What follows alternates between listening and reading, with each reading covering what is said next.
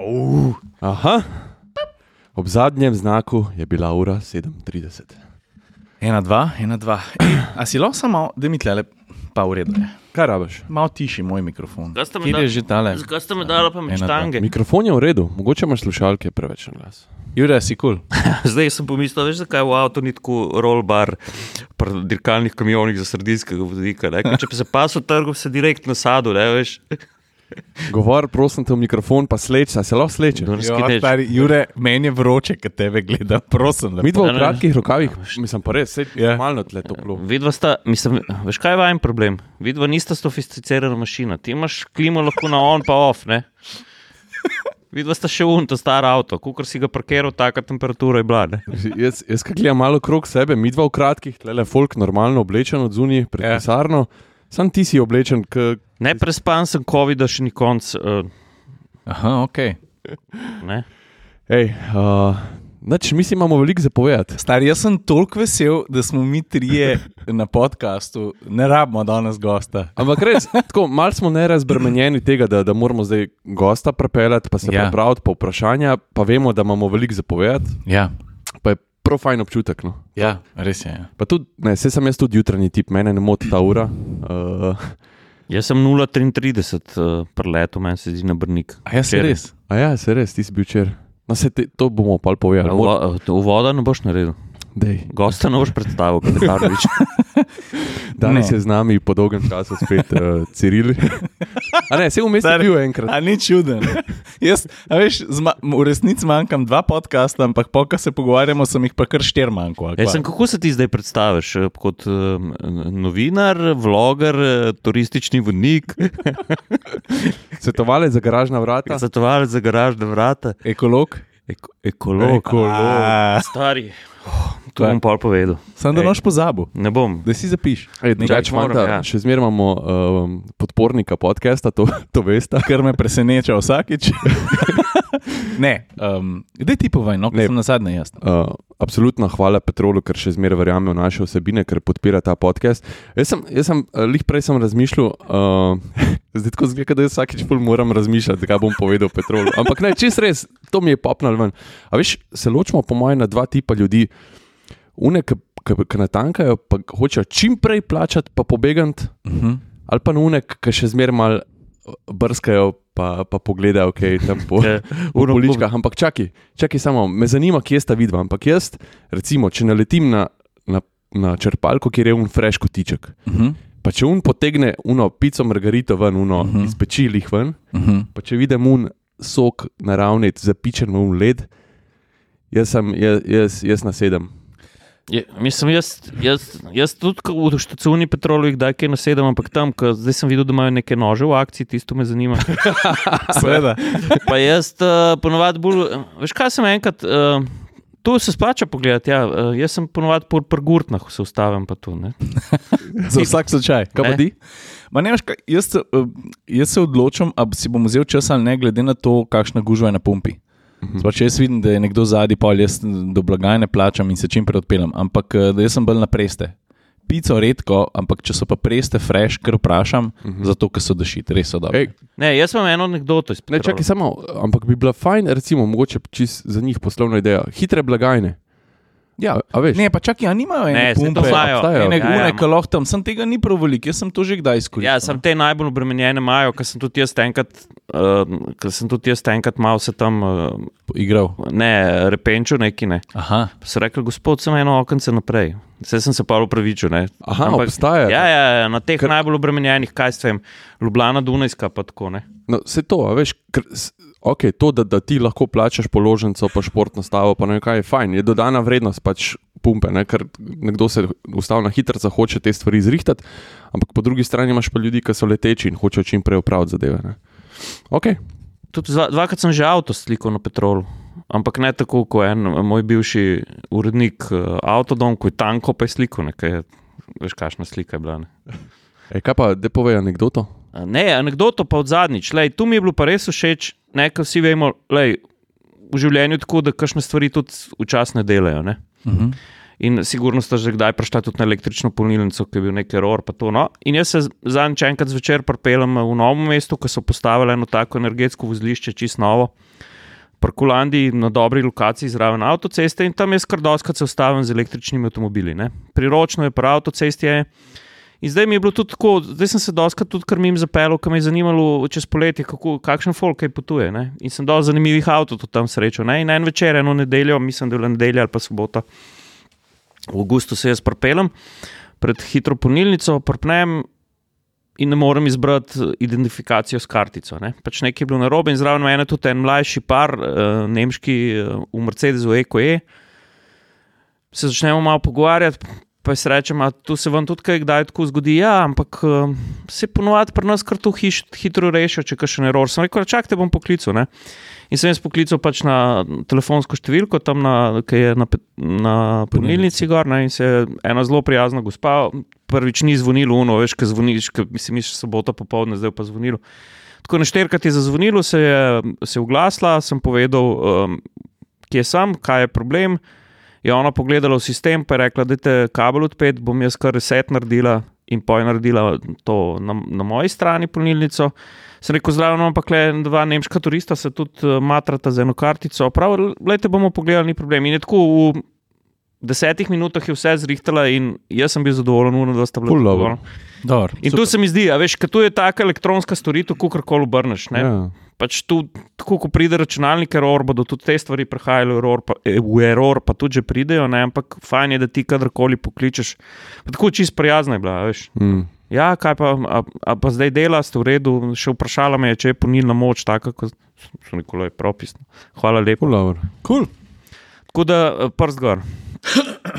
Palc. A Ja, no, pa hvala vsem. Uh, tudi, uh, Ja. uh, no, ti si zadnjič Cirilo menil, ne, za, če, si že, če si kdo želi podpreti naš podcast, ker, ker smo dobivali vprašanja, ne, absolutno, da, Mhm. na kakšen način lahko podprejo podcast. Nam se je zdelo fajn uh, varianta to, da, da mi ponudimo. Uh, nekaj tudi v zameno, ne samo to, da rečemo hvala, ampak Ciril zdaj kaže v kamero uh, Obeske. zaključe. Jaz bom pustil link pod podcastom. Uh, Uh, kaj sem hotel reči? Te obeski so, pa ne zato, ker hočem naše produkte prodajati, um, ampak te obeski so zares, zares ful kakovostni, ful so v redu. Jaz ga furam na ruzaku že Ja. koliko časa, več kot en let, dve leti že pravzaprav. In so kul, cool, vsakih porajta, pa ki ga zagrabiš, je dober občutek. Uh -huh. Zaprav, mislim, kot smo zanč rekli, atmosferci.com, zavihek trgovina, pa imam pa še en set črnih. Um, to je pa uh, z vidom, vid, vidka vtičnik. z vidom kotičnikom, ki je E, to si ti! To pa na komentar minuti za vihek trgovino. Glavnem, eh, Bomo oba linka E, spustili. kapa, ja, ja, kapa imamo tudi že nove. Tudi. Ko mene so glih včeraj na poti, jaz sem na to kar navezan zraven nase. Ne? ja. In pa so me, vsi so prijemali zdaj tale uh, flekle, ne? Sam to, moja kapa je veliko uporabi. Ne? A veš. A imaš flekac? Ja, in so sem rekel, kaj, to sem rekel, lej, to je večna trajna kapa, bo to atmosferska in sem imel sinteko lak na moču za parket. Ne? Ja, mal pati ne more biti. Ej, dej, vidva sta, vsi smo v zadnjem mesecu zelo veliko doživeli, veliko stvari novih spoznali, eh, veliko različnih avtomobilov videli, pa se ne bomo toliko posvetili testnim avtom spodaj, čeprav se tudi lahko, ampak. Dej, Saša, dej pa najprej ti povej, no? pa bo pa Jaz? še jaz, pa Jure, kje smo bila, kaj smo videli, kaj smo se naučili. Zato, ker imamo danes bo avtomobilski podcast na hartu v smislu konta, razgovorta se, uh, razgovorta se, kar mene zanima, ker jaz ogromno stvari, ne vem, Jure, sploh dača tvoja, pa škoda, pa če si bil na eni Toyoti, zdaj smo bili a ne bi fululu. zdaj začeli, moramo kar s Poršem začeti. Dajmo, da za hec s Porschem začnemo. No? Sta taka Pa pol- ej. taka pure avta. Začnemo s Porschem, pa pol naredimo upgrade na dačo. Uh, ja, jaz sem bil v Študgartu in sicer sem bil vabljen strani Porscheja na obisk njihove.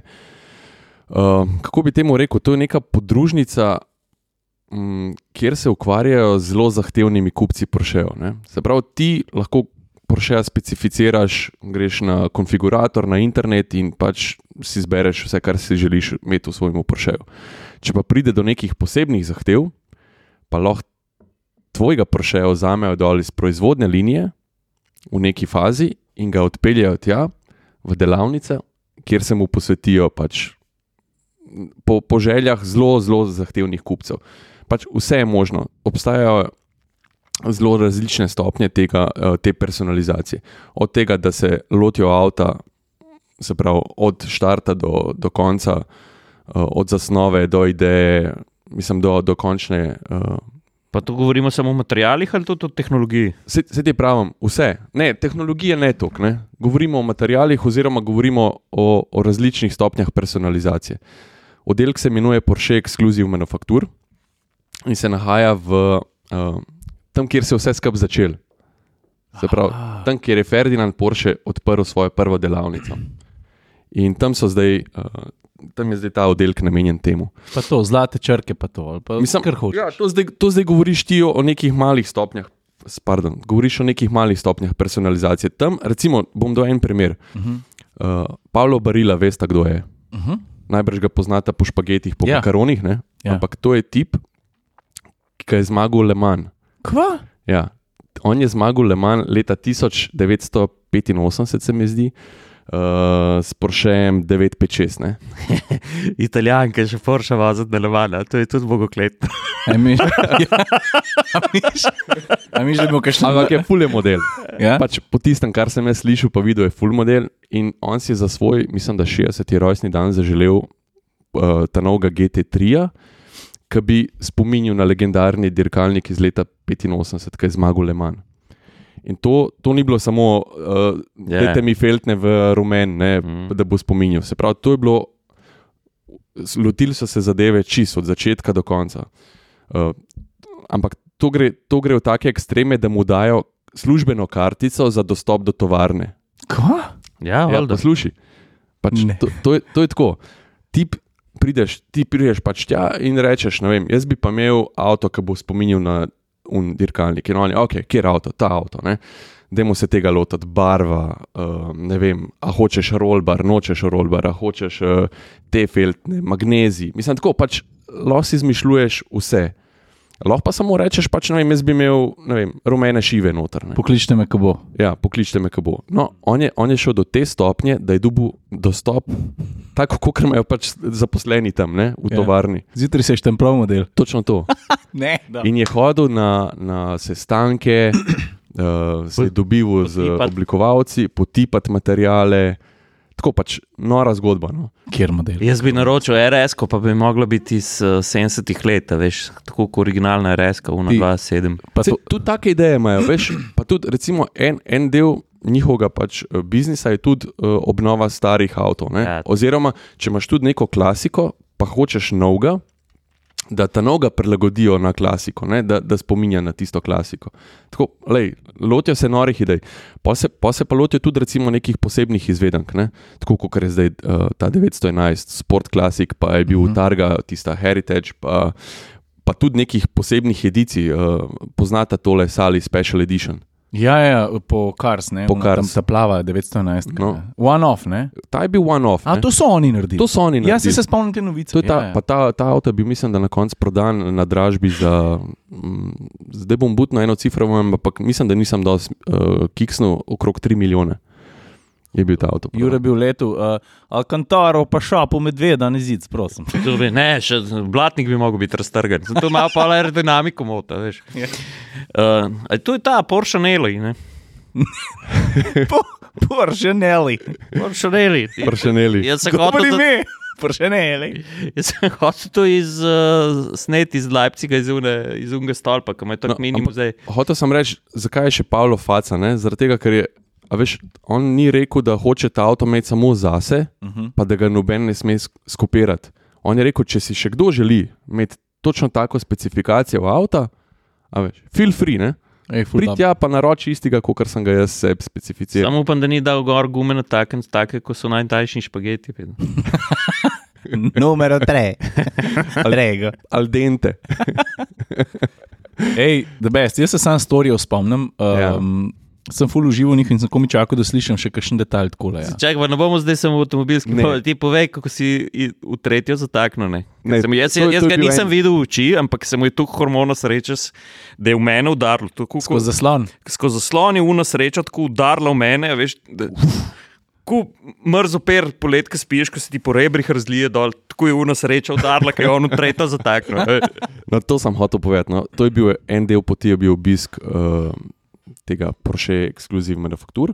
Drug del je bil pa to, da smo dobili ključe od uh, 911 Sport Classic in smo se lahko šli pelati. Oh, stari, kjer avto, hej. To je pa, to pa je zelo fajn avto, moram reči. Res. Um, No, prav, eh, gole osnove, za tiste, ki ne veste, to je omejena serija na 1250 kosov. Um, v osnovi gre za 911 turbo, ta novega, ne? ampak ima avto ročni menjalnik, sedemstopenski, pa uh, pogon na zadnji kolesi. Fuck, stari. Pa si rekel, da je full gripa, ne? Full gripa. Mi smo ga vozili v mokrem, mislim, ni bilo čisto mokro, v bistvu, kar, kar je še, še bolj zajeban, da, da imaš na pol mokro, pa pol suho. Ne? In Pa še malo listja za marmeladko. ja, pogoji se spremenjajo, ampak avto, avto. Jure je danes čisto Za marmelado. čist eno odpadel. Uh, Ne, ker sem res užival, te, te, Fajn je, fajn te stvari ja. sem pa res užival. Pa tudi, stari ste videli najnega brata, kako ima on še šlif za ročni menjalnik, kako je on pretikal. iz zapestja. Ja. Vse gre iz zapestja. Roka nič ne dela, veš. Ja, ja. Je kot basket, veš. Ti naštimaš rokico, pa sam zapestje Ne, narediš. prav sem, jaz, jaz sem prerobot, ne znam tako. Veš, pri- Ti iz rame vlečeš. Ja. On je pa, jaz sem ga gledal, tap, tap, a veš, tako kot un v Trstu, oni old school italijanski kadilci, ki so tako kadili. Kaj, kadaj, kadaj je čik med Ja, mezinci. ja, Pa ki imajo unustnika. ja, ja, ja. Pa tudi, ko unižaš altaš, ne smeš iz rame porint gor, recimo iz četrte v tretjo, ampak veš, ga flikneš, sam tako. Primeš s prsti, primeš zgoren del ročice, pa pa s tem kako se to imenuje, Ne vem. spoden del dlani. a ne? Ta je doktor. A veš, to pa sam butneš ga tako. Ja, vse sem gledal, stari. In- tako, pošten ti bil. V enem momentu sem bil full vesel za te, v drugem momentu me je pa tako odprl. Oh, kaj, A veš, kaj bi, se jaz bi tudi zdaj to. Sam mi dva bi tam razmesali, ne? on to z občutkom. On je pa, re, ne, res je, videlo se je, da je feeling. To, tako tudi ti ne znaš, brat, sorry. Ne? Kaj ne znam, brat? On je, ti, Ka- Kapitanovič je med top 3 šalt hebelni. Mislim, ko- A veš, Ti bi eh, mogel navodila, a si se zmenil za puš, avto. da bi preporšil navodila napisal za ročni menjalnik. Kjer, kjer jab, stari. Če si ne odpadel. Ok, Ne, fajn avto, fajn. Ampak res, res, je, res je fajn avto. Pa, eh, se ne vem, če to smem povedati, ampak dva sta prodana v Sloveniji. a res? Ja. Uh, Hvala, to. zdaj, Zdaj sem že povedal. Bravo. Je kar je. Ej, je, eh, Mogoče, lej, ti mogoče boste šla v garažo, pa je noben ne bo videl. Ma ne, Uh, veš kaj, ampak jaz upam, da bomo ta avto nekje Glej, videli na cesti. Slovenci smo narod tehnične kulture in nič na njih narobe, če imamo mi radi take avte. In kdor si ga lahko prvošči, ne, ne, ne, ne pol, da vuno fušijo, da je tajkun, ovo, ono. Lej, pač, če si lahko tak avto prvoščiš, jaz ti ga res prvoščim. In več, ko bo takih avtov v Sloveniji, lepša država bo na nek način. Ne, se, se pravim, super, ampak res upam, da, se, da jo bomo videli na cesti. no. Jaz ti ne znam povedati, koliko vesel sem, če vidim dober, pa ne nujno drag, ampak poseben avto na ulici stari. Da zraven stopim, si vzamem cajt, malo skozi šipo pogledam tako. A veš, to, to je meni posebne vrste fetišno. Gledati pa fotkati avto na ulici. Tako sem začel pravzaprav. Ker je zbirateljski primer. Ne, Saj, Ja, ja. Pač bi tudi razumel, koga ki ga bo parkiral v, Ja, ja. v garažo, pa vsak dan občudoval. Jaz, Ampak, jaz bi zvečer hodil sedeti vanga, tako kot hodim na mojega svartpilna.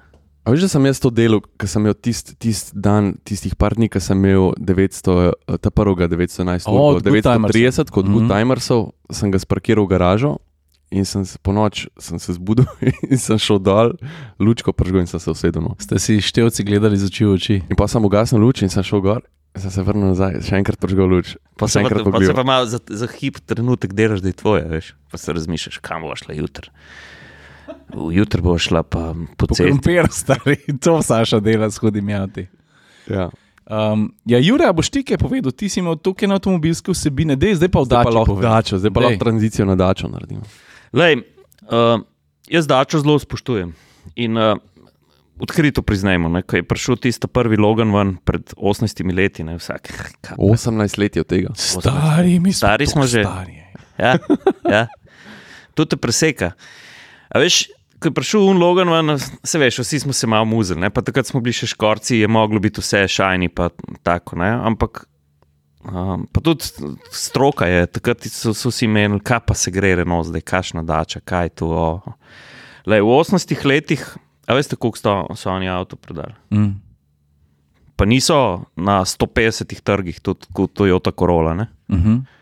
7 milijonov pa pol. Kva? Uh, Oh, to pa res orang število. Jaz, jaz bi, če bi rekel, koliko bi rekel, no, 2 milijona, pa pol bi si upal. reči. Reborn, Reborn dače pod okriljem Renoja z.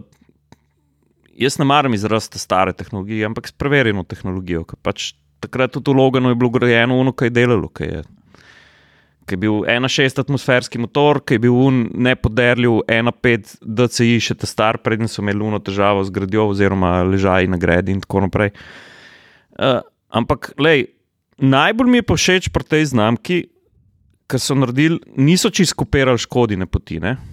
ampak so pa dosti hitro ukontali, da ljudje imamo radi relativno lepe, avte, pa praktične avtomobile. Ne?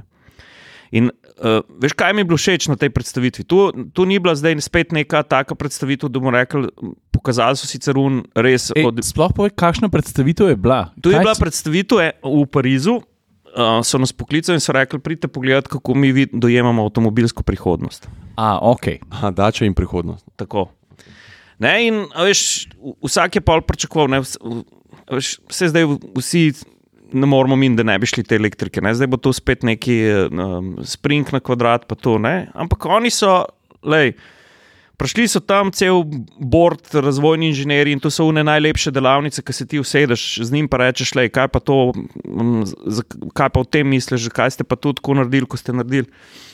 Uh, skratka, najbolj mi je bilo všeč pri tej predstavitvi, ki so rekli, da mi ne bomo nikamor hiteli. Mi vemo za vse napovedi v letu 2035, slovesu benzinskih motorjev, ampak Naj ne. trg pove, ne? Naj trg pove, ne, tudi ne, oni zdaj le trenutno so edini avto, ki nimajo, edini izdelovalci, ki nimajo niti malt hibrida, niti noč. Ne. In sem se tam z inženirjem pogovarjal, sem rekel, kaj pa zdaj zgodba, naprimer, z joggerjem, pa s tem in teh tehnologijo od um, Kliota, um, hibridni pogon. Pa to. Mhm. Je rekel, lej, mi bomo tu drug let na trg dal, o cenah ne morem govoriti, veš, da smo ga šraufali. Sem rekel, lej, kaj bo zdaj tu? Ali bo tu jogger 5 ur dražji ali bo 2 ur dražji? Rekel, lej, n- ne morem zdaj res o cenah, ampak povem vam pa sam nekaj. Ne? Če bo ta tehnologija se izkazala, da paše v naš brand, bomo seveda furali naprej. In je rekel, da imamo odprte roke po Renoju, hitro se znamo prilagoditi, hitro znamo stvari sestaviti tako, da je prav. Naredili smo najcenejši električni avto, uh, ni najboljši na svetu, ampak za ta denar, kar, kar smo ga naredili, ponuja lahko to. In ljudje so to sprejeli.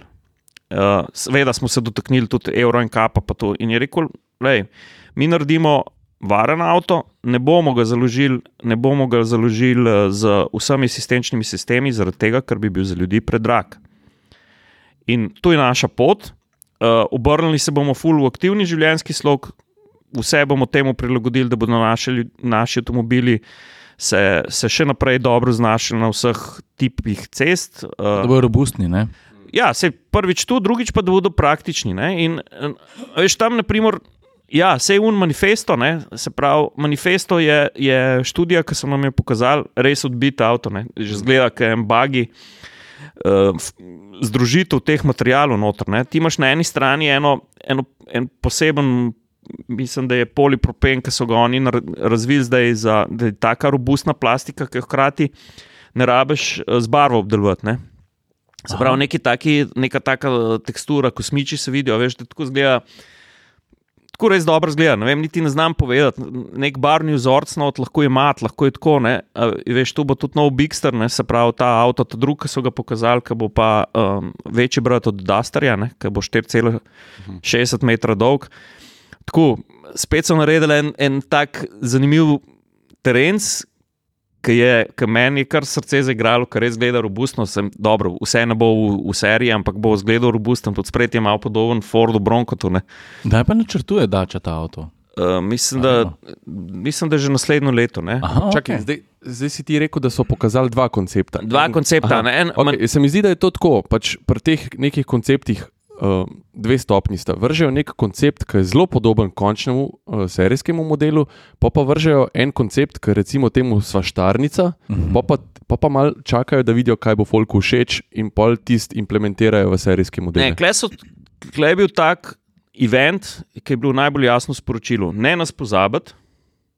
A veš, pa tudi jaz sem prepričan, da zlati časi dače, glede na to, kar se dogaja z avtomobilskimi cenami, kar se dogaja s tehnologijo, Da v bistvu, se, š- da, v bistvu se šele začenjajo.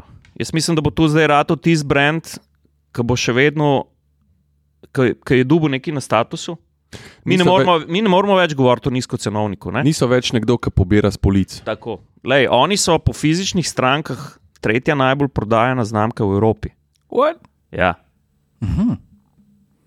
Sandero, Stepway, uh, zdaj le jogger. Ljudje se, se tepejo, zato ker veš, to je še vedno tisto avto, ki imaš ti leasing, pa ti za kruh ostane. Mhm. Pa nimaš slab avto, ne?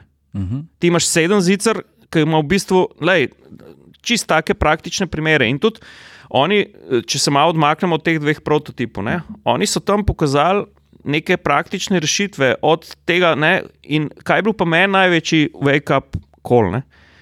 Veš, jaz se z mojstrom pogovarjam, tam en, en par inženirji je rekel, lej, jaz pa. Mislim, ne, da jaz verjamem, da tudi druge znamke razmišljajo o, o, ekologiji, kar moramo vsi, ampak lej, zakaj naj, najprej ne pri znamki ustaviti komplet papirnato, um, uh, papirnate kataloge, papirnato komunikacijo? Je rekel, veš, kakšen prihranek energije je tu, veš, kakšen prihranek materijala je tu. Salone bodo predrugačili um, uh, prodajo avtomobilov. Uh, predvsem mi je pa všeč predači, a veš, oni so joggerje, tu sem jaz že na mednarodni predstavitvi rekel. Ne? Oni so joggerje pripeljali, pripeljali so ga, da idemo še nekaj iz tega avta narediti. In zdaj je rato kemper. Ne? Ampak to je kemper rato na tak način, kot bi si ga normalen človek zamislil. Veš, oni so naredili izvezane plošče not. Je rekel, mi smo zdaj vzorc naredili, mi bomo po, po, poiskali enega tišlerja v narkovajih, se pravi neko podjetje, ki pač te lesne panele zdaj fura. In bomo dali načrt, naredite tu, kit boš lahko kupil zraven. In veš, kako to zgleda dobro. Ne? Jogger, pol imaš prtlažna vrata, ki sem jih jaz v prask, v praksi stokrat izkoristil, ne Po pri prasku. Ne sem pri joggerju, tudi pri, pri kombih, ne veš, kaj se dvigne. In tam Aha. so lepo čez baldahin obesel, not poslo, uh, raztegneš, pol imaš šotor, tunel potegnen in kar naenkrat iz, iz tega joggerja, ki je 4 metre pa pol, 4, 60 avto, rata 10 metrski bivak. Ti prideš, v- ti prideš v kamp in se lahko počutiš, kot da imaš Kamik jogger. Nik jogger. ne. Uh, zdaj pa, če se vrnemo nazaj na prototipe tega manifesta, ne, so Ja. oni pokazali to vizijo, kaj oni hočejo iz avtomobilov narediti. Ne. Se pravi, da boš. Da, Lej, dača bo šla tudi v, v, to zadevo, lej, zunanjo površino skoristiti. Klej so bile, naprimer, taka perforirana vrata, pa streha, ki si z gurtnami zapel noter. Ne? Iz, iz uh, sedeža si potegnil prevleko, pa je bila spalna vreča. Uh, niso pretiravali s to digi digitalizacijo. Veš, ne, kjer kad si moraš ti, ali kad ti dajo navodila za piknik, parkirmo, noš kar. Kva? Navodila za piknik, a veš, Mm. kad, kad veš po polskih poteh. Mm. Nista vidva, nista hodila. Jaz prvi slišim za navodila za piknik. Jaz sem mislil, da se vzameš dek. Potegan ven prt. Ne, ne, taka navodila, pridete nekam. Prid v Radoho na Kosten. Hm. E, kam v Radoho na Kosten? Ja, tam, veš, tam mm, iz Tredga Makedama zaviješ, pa greš pol čez vodo, tu, tu, tu ne boš v Googlu najdel. Ja, ok, razumem. Ja. Konkretna navodila, kako. Ja, kot roadbook. No? Ja, ok, okay razumem. Okay. In imaš dashboard, naprimer, iz plute, pretegneš gor un listek, tak roadbook, ne? take fore, uh, pol spet ta powerbank, ne? baterijo avta, tudi če bo enkrat imel. Ne? Saj tu, tu, jaz ne vem, zakaj to vsi izdelovalci električnih avtomobilov ne naredijo štekar. Pa tako. ali pa še celo. Ali pa še celo moj dober prijatelj Andrej Pečak je range extender eh, baterijski dal kar v prtlažnik. Ne? In to je zdaj dača manifesto. Ne? Ti vam potegneš en del modula baterije, pa neseš tam, pa gonoš cirkular. Ne? A, Pa, ok. a veš, Ima Ionic 5, man. ja, da elektriko vam speleš, ne, Ja, pa, ne ja. pa da bi prav delček baterije vam potegnil. ja, prav. Ja, pa ga sabo vzameš. Ja, od zadaj imaš dva taka panela, naprimer pri tem manifestu, ki letalski un, uh, ki imajo te umarce. Ne. Ja, ja. Potegneš ven, pa lahko še greš tam nekam. Ne. To je naprimer za alpiniste, ki gredo smeri na vrtata, veš. Okay, zdaj pa treba človeka ostati, ker nam dve ure oddači govori. Ja. Ej, ne, ful dobr. Uh, všeč mi je to, kar slišim, zato ker kako je lahko ena tako izjemna poenostavitev. Uh, koncepta lahko totalno upgrade ja. Ja. za znamko. A Veš, to mi je bilo všeč, ker si rekel, oni so tako naredili, kot ponovadi človek doma naredi. Ker človek doma naredi, proba narediti tako, da je zanesljivo, pa da se čim manj komplicira, ja. Ja. pa da je čim bolj dostopno. To je posluh za človeka. Ne, pa ful še vedno. Ne, ne, to je tudi pomembno, ne, ker oni so rekli, da imamo mi tudi energente, ne, ki so še, ki za seboj pustijo bistveno manj CO2 kot benzinski pa dizelski Čak, motor. Ne. Sam da vidim, če to ti kar govori, da vidim, če to dela. Da govor. Ekoplin, ekoplin. A veš, ker sem ga ugasnil. Ja. Ne, ne, dej kar povej, sej, Jure, sej, sej, uh, Ne. je zanimiv. Uh, res. Uh, se pravi, oni še vedno polagajo veliko uh, na avtoplin. Ne? Uh -huh. In so rekli, mislim, se to vsi vemo, ne, sam v, v tem času se to kar pozapne. Veš, eh, in eh, avtoplin, in v bistvu CNG, tisten zemeljski plin, oziroma metan. Veš, na- naprimer, metan ima še, če se jaz ne motim, boljšo kalorično vrednost kot dizelsko gorivo. Ne? Uh -huh. Pa praktično nimaš saj, pa bistveno manj uh, dušikovih oksidov, in tako naprej. ne. A Veš, na te stvari, in, in jaz mislim, da je en tak zdrav razum tu, kar skozi opozarjamo, in tu so začeli tudi inženirji vedno bolj na glas opozarjati. Ne. Mm. Vrčevanje ni samo na avspohu, ne. imaš ti. Sto stvari, ne, Lej, ta nov Duster bo imel iz te uh, reciklirane plastike, ta močne, ki so na manifestu pokazali že 20% delu. Ne. Pa še dobro bodo izgledali. Ne, Ti boš, ne boš mu več neko, neko lakirano površino, ampak boš mu take. Ej, dajmo zdaj spet en kontrast uh, udariti tej dači. Mm. Ciril, pa jaz si ti enega Ferrarija videl. Jo, in zdaj- Kaj, Ja. jaz, jaz sem sam slišal nek Ferrari, pa, pa Norveška, ampak da ne, se nisem ga videl, vse to je tisto, ki me še danes No, daj boli. povej, daj, mene zanima. Okay. A najprej pojasnim, sploh, kaj sem počel na Norveškem. No, daj povej. Sam to, da malo v kontekstu se skupaj postavim. Ampak bo nekje vmes Ferrari, obljubaš. Obljubim, da vrije Ferrari na vrsto. Ne, ampak imam tudi zelo hudo avtomobilsko zgodbo iz Norveške. Ampak bom, bom Ferrari v spredje postavil, pa gremo pol naprej. Pa še unga tam avga, še v basketu premagate. veš. Ne, poslušaj. Um, uh, zdaj tako. Se spomniš, uh, pač ta moja pot uh, skozi Rusijo Uh -huh. je požela veliko pozornosti, med drugim tudi pri agenciji Kompas, ki so rekli, da jim je všeč, kako na kakšen način delam reportaže, ki niso nujno povezane z avtomobili, pač turizem. Um, da jim je bil všeč moj način razmišljanja o tem, kakšna vsebina tudi lahko ponese eno pot skozi eno deželo. ne. No, glavno, long story short, mi smo se že pomlad dol usedli in, in se nekako dogovarjamo za eno dolgoročno sodelovanje, kar bi bilo meni super, zato ker sem videl, da zelo, zelo uživam v tem, da. Da mogoče pokažem, pa predstavim še kaj drugega kot avtomobil. Pa itak sem vedno rad avtomobil upletel v kolco. Vse tudi vidva to rada počneta. Ker se mi zdi, da, da zgodba pridobi na tej plemenitosti samo, če ji dodaš še ene elemente, ki jih mogoče človek ne pričakoval. Ja. A veš, da če se z avtom peleš čez en gost, pa slikaš uno šumo, pa rečeš: poslušaj, veš, da ta gost je pa ne vem kaj.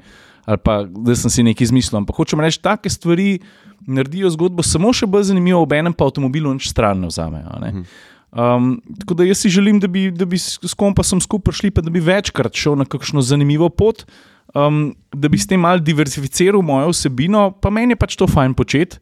Pa zdi se mi, da je bil tudi vedno dober odziv uh, strani ljudi, ki spremljajo. Uno, A the best, mingrde, fun fact, ki delam reportaže, ki kažejo še kaj več kot avtomobile, takrat se skoraj pravilo je, usujejo tudi ženske s svojimi komentarji. Uno, rada gledam, tudi kakšen avtomobil pogledam, ampak pa greš na drugo stran, pa kažeš kraje, pa kakšno staro mestno središče, pa malo zgodovine poveš, pa to, da je to dešit. Glavno, to je, bilo, to je bil za me en tak dober povod, da smo šli uh, s kompasom na Norveško. Pravzaprav je šlo za eno tako turbo tridnevno turo, ki je tudi kompas oglašval v smislu vrhunci norveških fjordov s Cirilom Komotarjem, folk se je prijavil. Um, in smo se potem tri dni vozili skupaj z busom, zelo prijetna tura. Jaz sem vmes tudi zagrabil mikrofon, ker sem ljudem razložil malo o tem. A veš, Saša, ko prideš na teren ali pa si na predstavitvi, pa je čudovita okolica, ti pa v resnici nimaš dovolj časa. Ja. A veš, kako se soočati z eno čudovito, krasno lokacijo, ampak ti imaš pa sam 10 minut, recimo, ker moraš naprej, ali pa je vreme. In kako zdaj ta čas razdeliti? Da ti prideš na eno lepo lokacijo, da si vzameš čas za uživati, da telefon pospraviš, ampak takrat, ko pa imaš telefon v roki, na kaj moraš paziti, pa da učinkovito zajameš vse. Veš, sem rekel, dajte telefone iz rok, pa prosim, pogledajte lečene. Vsaj 20 odstotkov, imate zapacan- 20 odstotkov od vas imate zapacano leče, pa bojo slike fazi. Fokker je začel Jaz praviti. sem že kar refleks, veš, ko vzamem ja, jaz iz tudi. žepa, pa majico primam, takoj. Ja, že. jaz isto, majhno pa- polar pucam. Meni pa Ciril spuca. Ja, res. Pa ja. še očala. Ja. Ja. No, in pa tako, veš, ko prideš ven, ok, kaj bomo zdaj naredili? Ne bomo naredili pokončno, ali bomo naredili položno fotko. Ali pa ne vem, stojiš na robu fjorda, ampak v resnici ti pa všeč tudi gore na drugi strani, ki so na 3 km stran, tam na Vogalu. Dajte uporabljati Zoom, dajte, dajte probati izkoristiti telefon v, in vse sposobnosti, ki ti jih ponuja. Tako da sem en tak crash course imel o tem, o reportažni fotografiji na hitro ali pa na dolgo, in je bilo ljudem ful zanimivo to. Um, In smo že tukaj uživali na busu. Ne? A Veš pa, recimo z busa ali pa z avta slikaš, ne? vedno imaš nekaj odboja v steklu, ne? pa so taki čip, mehki triki, sam preslon telefon na šipo, pa zginejo mm. odboji. mm. Take stvari. Um, no, in v sklopu te uh, poti po Norveškem, ki je bila mingrede res, res huda, fusmo me zegen z vremenom. So rekli, lepo novaco oktobra, štirje dnevi sonca, grand total, mi smo imeli pa tri dni sonca zapored. To so tudi meni isto rekli. Jaz, ki sem bil na Norveškem, ja. sem ujel 3-4 dni sonca in Ja. ja. rekli, tole, Ja. to si zapomnim. No, in highlight prvega dneva je bila ena cesta, ki se reče Atlantska cesta. Tiste, ki povezujejo točke. Ja, v fjord. bistvu a veš, gre za razmeroma kratek odsek, zdaj ne vem, deva reči na pamet, ene 8 km. 11. 11. Kot je si bil- napisal. Aha, Ja. je bil, no, ja, super, veš, moj spomin. Uh, ki je bil izjemno zahteven za narediti, uh, zaradi pač reliefne razgibanosti, zaradi naravnih dejavnikov. Uh, 18 orkanov so, so morali vmes predelati med gradno, ne vem koliko let so jo gradili, ampak um, inženirji pa gradbeniki že dolg časa, če sploh kdaj. Uh, Vse so to rekli, da ni, če ni bil to gradbeni podvig stoletja za Norvežane, je kratek štikl ceste. Ne? Ampak, ki se ti peleš po tej cesti, kako se vije čez ta arhipelag, čez v bistvu dve občini, takrat razumeš, zakaj je bilo to težko, pa izjemno lepa je, tako instagramabilna je. In tudi pol mi je folk pisal, sem kar malo pozabil. Ta zadnji James Bondu je šel tudi Bond, se mi zdi, čez un most. Veš, Ja, tak dvignem, most, pa pa se za- dvigne, pa gre v levo, pa je naklon, pa tudi nagne. Tak, Kaj je mal naskar feeling, ki ga oddelaš, gledaš. da- Ja, pa še v neparih filmih je bil tam. ja, pa sej, To bomo dali slikce, da bo folk, oziroma bomo Ja. dali, a, a si spravil uh, storije v set. Imam že Norveška ena na Instagramu, imam spravljen set storijev, tam lahko vidiš ta most. No, glavno, Super. No, Mi ta most, sorry, sorry, sorry, sam, sam še nekaj dodam. Ker si rekel, da, da, da imajo Norvežani, mislim, da, so, da je to za njih en najbolj, uh, kako si rekel, Zahtevnih gradnj. zahtevnih. Ja. No, Mim grede, a veš, da imajo oni najdaljši avtomobilski tunel na svetu tudi. Ne, ne vem. No, jaz sem ga prevozil s, Porsche, s Porschem. Ja. O, hudo, stari. Pa tudi, kar si rekel, instra, Instagramabilen, ne, tudi Ja. unje se ustaviš v takih uh, tistih razširitvah, Aha. se lahko sparkiraš, ker je tako temu namenjen, ker je tako dolg, da, je, da, da so te niše razširjene, namenjene temu, da se ustaviš, da si odpočiješ. Da ne. Kakšno sliko narediš, ker je fultko, tako modra, modra luč Ja. ja. in je tako. No, Polno je gradbenih podvigov, mi, grede, mi smo šli skozi en tunel, ki gre 250 metrov pod gladino morja. No, no, no. ja. V glavnem, mi smo ta most, pa to cesto predelali prvi dan, čudovito vreme, jaz sem dobil super fotke, ko mi čakam, da vlog sestavim. Bili smo pa tri avtobusi, dva kompasova, pa en še ene druge turistične agencije. Long story short, na koncu gremo mi z istim avionom domov in meni en uh, Jrnej uh, prav. Uh, Ej, a veš, da mi smo pa v tam na mostu Ferrarija videli? Tako ja, super, škoda, ker ga nisem še jaz videl, ker vedno rad Ferrarija vidim. Pa prav, ne, ne, mi smo morali čakati, ker so snemali reklamo za ta novega SUV Ferrarija. Se pa, ga enkrat vidiš na fotki, ni glih to SUV. Ne smeš reči njim, da je to SUV, veš. Ja, se vem, ja. Se, se. No, glavno dvignen Ferrari, Ja, uh, Puro Sang se imenuje, če se ne motim. ja. Uh, je način, oni so mene takrat začeli trgati. Ker sem rekel, bil sem tam, veš, koliko krat spremljaš, če si kreativc, ki se nekaj ustvarja, ki se nekaj snema. Um, in pol je bil uh, Jrne Jerman, hvala še enkrat. Je rekel, jaz sem vse to posnel, jaz sem ti lahko par fotk pošljem. In ko smo- ko so se kolesa letala dotaknila v Ljubljani, tal, smo mi dva že flight mode off, da je pretoč te fotke, jaz to rabim, da pokažem in ko mi čakam tudi na Instagram. Dam. Ja, nač cela produkcija. Tudi to boš dal za v zapiske Ja. ja. podcasta, boš dal še posnetek. Tako, tako. Kaj gre ta svet, vi in Ferrari, ja? Saj, Trignen Ferrari. Ja. Ja, ampak kaj pomeni purosan? čisto krven. Čisto krven. Ja. Se pravi, naj bi bil še zmeraj čisto krven. Ena, ena od stvari, zakaj naj bi bil čisto krven, je V12 motor. Ej, a si slišal, si videl video, ko naredi vam? Ja, ja, ja. Kako se hitro zavrti. No, glavnem, in sem uspel pridobiti eh, dva videa, pa par fotk, zato da lahko tudi jaz to delim, ker se mi zdi izjemno zanimiva izkušnja in zdaj me manj srček boli. Ker nisem bil tam, ker je nekdo bil, pa je to dokumentiral, pa lahko to naprej pokažem. No. To združitev enega novega, atraktivnega avtomobila, pa te lokacije, ki je očitno zelo popularna. Tako popularna, kot una cesta napaka, veš. Ja, ja. Ali pa Slovenija, konec koncev, vse bolj pogosto. Se veš, da v Sloveniji se, se živo snema, ampak pa je. Pa avtomobilisti zdaj vse bolj silijo tudi uh, na Balkan. Mhm. Srbija, pa tako naprej. Eh, Produkcijski stroški, pa neke olajšave, kar se tiče. Ja, pa, pa dobra hrana. Janjetina. Ja, Okay, ne, zdaj, pa, zdaj pa zgodba, na katero nista računala. Opa. Torej, ta drugi dan se je pa moj program ločil od skupin, sem bil pa sam. Čakaj, samo eno stvar še prej. Ne? Aha, Ko si omenil ta most. Ne? ja. Eno super fotko si naredil, ko se vidi, kako je uh, most uh, prilagojen orkanskemu vetru. To nagnanje, zato Nagib- da. Ker reže v veter. Redež, ki je spoiler. Ne? Spoiler je. Ja. Ja. In to je spoiler tako narejen, da ne ustvarja vzgon, ampak da zlom tok vetra. Ne? Ja, to ne vem, ampak so rekli, Ja. zakaj je take hecne oblike, ki lahko bi bil tudi naravnost, zato da se lažje opira vetrovom. Ja. Mislim, izjemno, res. No. Pa To je tudi, logično, mislim. Ja. Dej, k- k- k- Ja. ti nekdo pove. seveda, seveda. Kot to prepihati smo mogli kot na, na tej matne. Ja, pa to je tak most, ki ga ne moreš za šolo uliti. Ne? Ne, ne. Um, okay. Zdaj pa tista zgodba, ki je pa mene najbolj presenetila. Torej, mi smo šli uh, s trajektom um, letnik 74, Mingrde, uh, smo šli v čist do koncega fjorda, v en kraj, ki se imenuje Gajranger. Ja, pa motorje si sliko, pa nisi dal Čakaj, podatkov. bom gor. vse povedal. Kakšen fail, stari. Če nisem še delal tega seta storjev, to sem sam te pa vama poslal, to še ni prišlo na vrsto. Ja. A ja, tu si sem en. Pa poslušaj me. Okay, dobro. V glavnem, eh, na hitro, trajekt, trajekt letnik 76, 74, dva dizelska motorja, vsak uh, tehta 30 ton, vrti se na 350 vrtljajih in je neuničljiv. Pok, pok, pok, pok, Ej, pok, res, pok, res. pok. In ta, eh, veš, ta strojnik me je povabil dol, sem rekel, da me malo zanima in me je odpeljal dol v strojnico in sva si te motorje ogledovali. In je rekel, že 25 let to delam, glasnejših motorjev še ne. Ampak so pa neuničljivi, in zdaj bo ta trajekt prejel tudi en upgrade motorni in jih kar malo skrbi.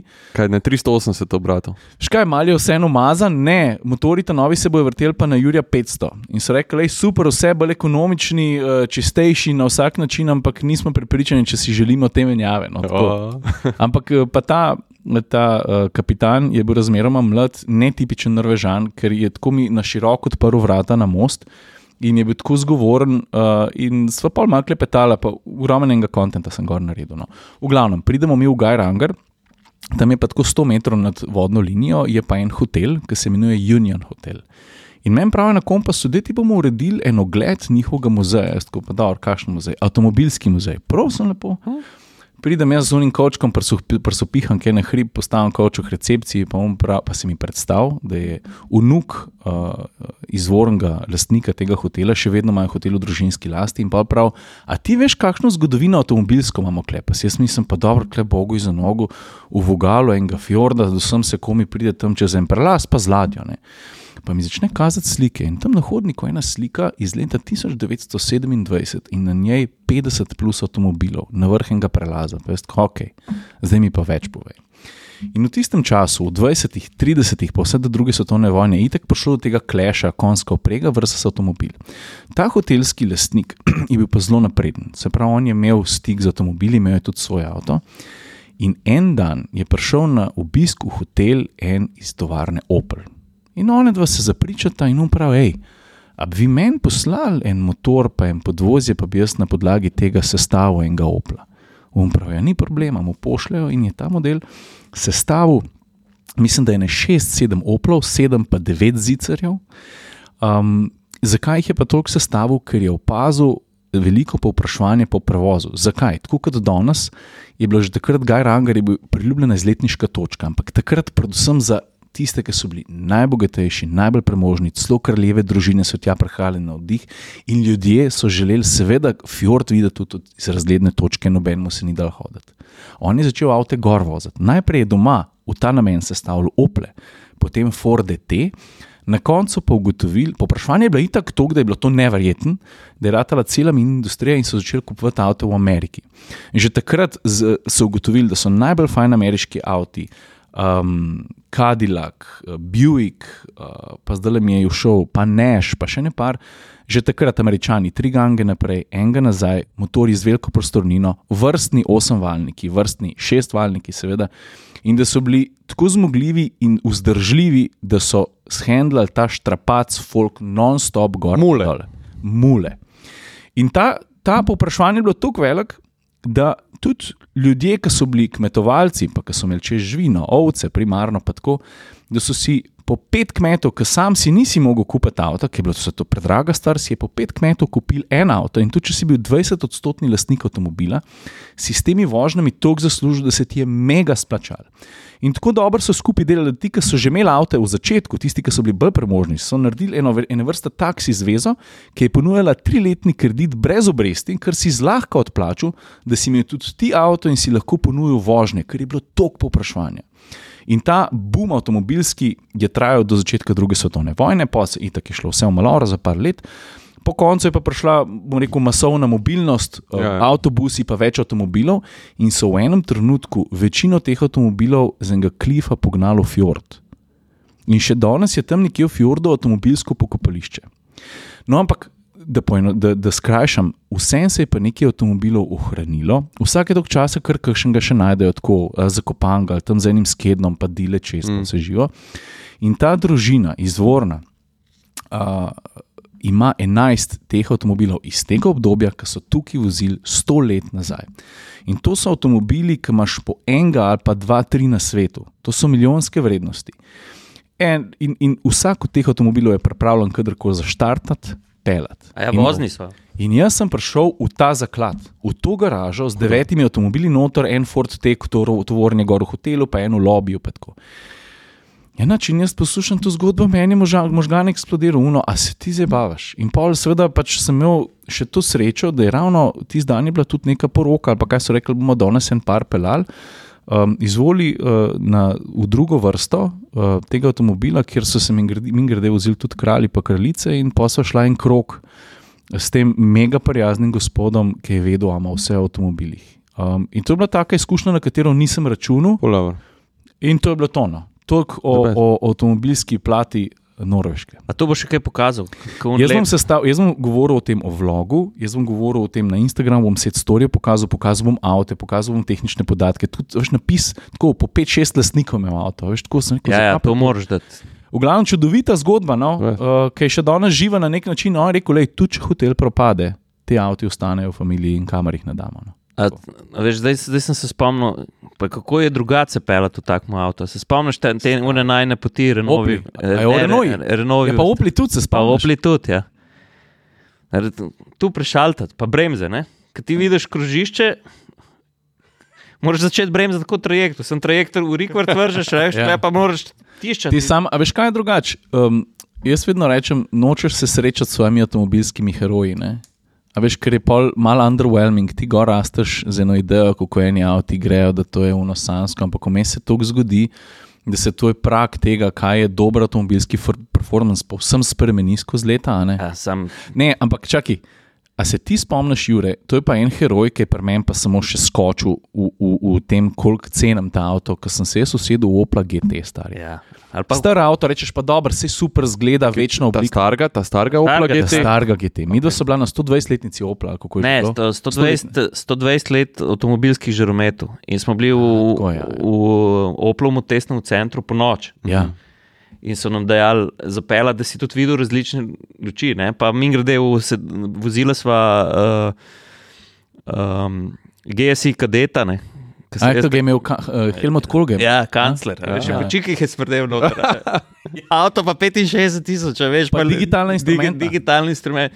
To. In pa je on odprt, veš, tam so pa eno traso naredili, ker tu je on ogromno Opel testni center, tudi različne podlage in, in čez hosto, veš, pa tako. In ja, ta Opel, naprimer Opel GT je bil eden od tistih highlightov, ampak res je, pa, res je bila pa delavnica nora, zato ker s tistimi brljivkami pa nisi nikamor videl.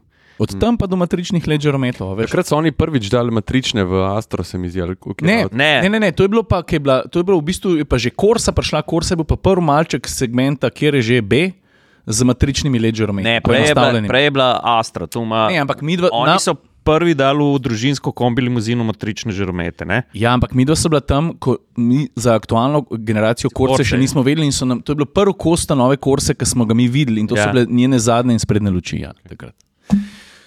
no, Ej, a, ne, n- hotel sem vam še, prej sem zbrskal en podatek, ki sem si na dači prav zapisal. Ne, ker je res uh, nor podatek. Ker smo se o tej reciklirani plastiki pogovarjali, ker zdaj se je vse moderno, da mreže ven vlečejo iz morja, kar je čist ok, pa jih predelajo cveren. Ampak meni je rekel inženir, lej. Vsaka tona reciklirane plastike, ki bodo pa oni dali v to ABS plastiko, se pravi karoserijsko, ne, uh -huh. pomeni, da prehraniš eno tono CO2, -ja, uh -huh. pa 830 kg nafte. Uh, da nehi. Ja, To je pa kar podatek. ja. Tonca nafte, kil, In- litrov. In pol mu so- sem imel še cel kup takih podatkov za, za papir, za, za, za plin, za svašta. Jure. Glavnem super delavnice. Jure, da ti rečeš, povej, kva si še vozil. Ne, škodo si šel eno gledati. No? Ja, ta škoda je pa. Ta škoda je pa tudi uh, um, zelo zanimiv avto, Škoda Vision uh, 7S, tu je pa največja, pa najdražja škoda. Bo, ne. pa, je, pa jaz mislim, da kljub, kljub temu, da ta prototip zgleda še tako zelo spacey, jaz mislim, da kukar škodo mi poznamo, meni so te čehi res modeli. Oni, po mojem, gredo v Wolfsburg na sestanek, koncern, v koncern, um, pa jim tam povejo, lejte, tule boste dubli, pa morate to tako pa tako narediti, pa oni tam kimajo, veš. Pa pa že na vlaku domov, oziroma na avionu, ko se peljejo v Prago, reče. "Ah, To bomo mi malo po svoje. Ja. A Veš, in je res ta škoda, Vision S je pač njihov, uh, uh, njihova prihodnost. Ne? Zdaj le so vrgli, uh, če se ne motim. Ampak to je tak tip koncepta, kot sem prej rekel, ki vržejo milijon nekih idej ven in pol tipajo, kaj bo, kakšen Ne, kle, bo. kle, kle že vejo, kaj bodo naredili. Manife, Aha, okay. Manifesto je tak laboratorij, ne? Okay. ker ne bo nikoli serijski avto. Vision, Vision 7S pa bo serijski avto. Ne? In oni so uh, tako malo za občutek, ljudje 5,6 milijard, 5,6 milijard so zdaj le vrgli v razvoj novih električnih avtomobilov, pa še 700 milijonov v digitalizacijo. Ne? Govoriš samo o škodi. Samo škodi.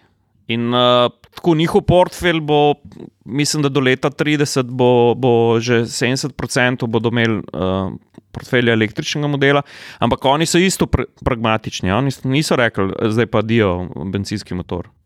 Ne, na celi predstavitvi. Ja, je električen. Pa še nekaj se je zgodilo, ne, veš, potih, ki smo o, o uporabniki elektromobilnosti in tako naprej. ne. Lej, Čehi so pragmatični. Ne? Oni so zdaj spet naredili, pet, tu bo petmetrska škoda, orank avto. Uh, oni so naredili, se armatura premakne, zici se postavijo. Ne? Tu, kot naprimer, kar smo že videli tudi pri Ioniku 5, ampak le še bolj ekstremno, zato je avto še večji. Ampak meni je v, v istem hipu jasno ratelo, valjda. pa- Pač Čehi so mislili, jasno je, da z rastjo električnih avtomobilov tudi ko se bodo začele spremenjati baterijske tehnologije iz litijonske v druge, v druge rešitve, veš, ti ne boš nikjer mogel tako velike baterije nafilati v 20 minutah. Sploh, če boš potoval, zato ker bo tukaj več tudi električnih avtomobilov. In ta koncept dnevne sobe. Ne? Veš, Čehi so zdaj čist jasen signal, da le, pri nas se boš pač dobro počutil, meš boš vse te feature, vse to vsi delajo, ampak oni so pa tako nazorno pokazali, spet pragmatično, ko, ko, škoda, ko škoda to pokaže. Pa zelo se mi je zdela zanimiva rešitev. Uh, zelo se mi je zdela zanimiva rešitev pač, um, postavitve otroškega sedeža, uh, ki so se pa veliko ukvarjali s tem, ne, v najvarnejši del avtomobila, ne, se pravi na sredino med sedeže, uh, kontrasmer vožnje, ne, da tudi pojemek, uh, pač un tam avto telešček lažje prenese. Tako, in, uh, lej, avto, tako, ko si rečeš, wow, ne? in spet una, una zgodba, se vidi, spomnite, valjda se spomnite Felicije Formana, pa, pa stojiš pred to šk- škodo, Vision 7S in tako gledaš in si rečeš, mislim, lej. Vse lahko se, lahko, se, lahko se mi hecamo, pa, pa rečemo, ja, pa so se pošlepali. Ampak ne, oni so, oni so zdaj naredili svoj stav, ki ga furajo. Edino dejstvo pa je, da kar mene pa na nek način sikera, zdaj bi kar vsi izdelovalci radi šli v nek premium. Ne? Vse to. Uh, Ampak, veš, po eni strani, Jure, tako mi je malo hecam, da se tako navdušuješ nad, nad, nad, vsemi zadevami. Pa, pa, zadnjič si pa prišel tle gor v pisarno, pa si mi od tega kodija, kaj je res, ne, kaj je en tak klasik. Uh, pa, pa si bil čist navdušen. ja, Zdaj, zdaj, zdaj te pa ne razumem, mal, veš. Ne, se, se tudi hočem povedati. ne. Lej, zakaj 5,6 metrski avto, Kolik? ne 5,6, 5, 5,2, meni se zdi, da bo. ne. 5,2.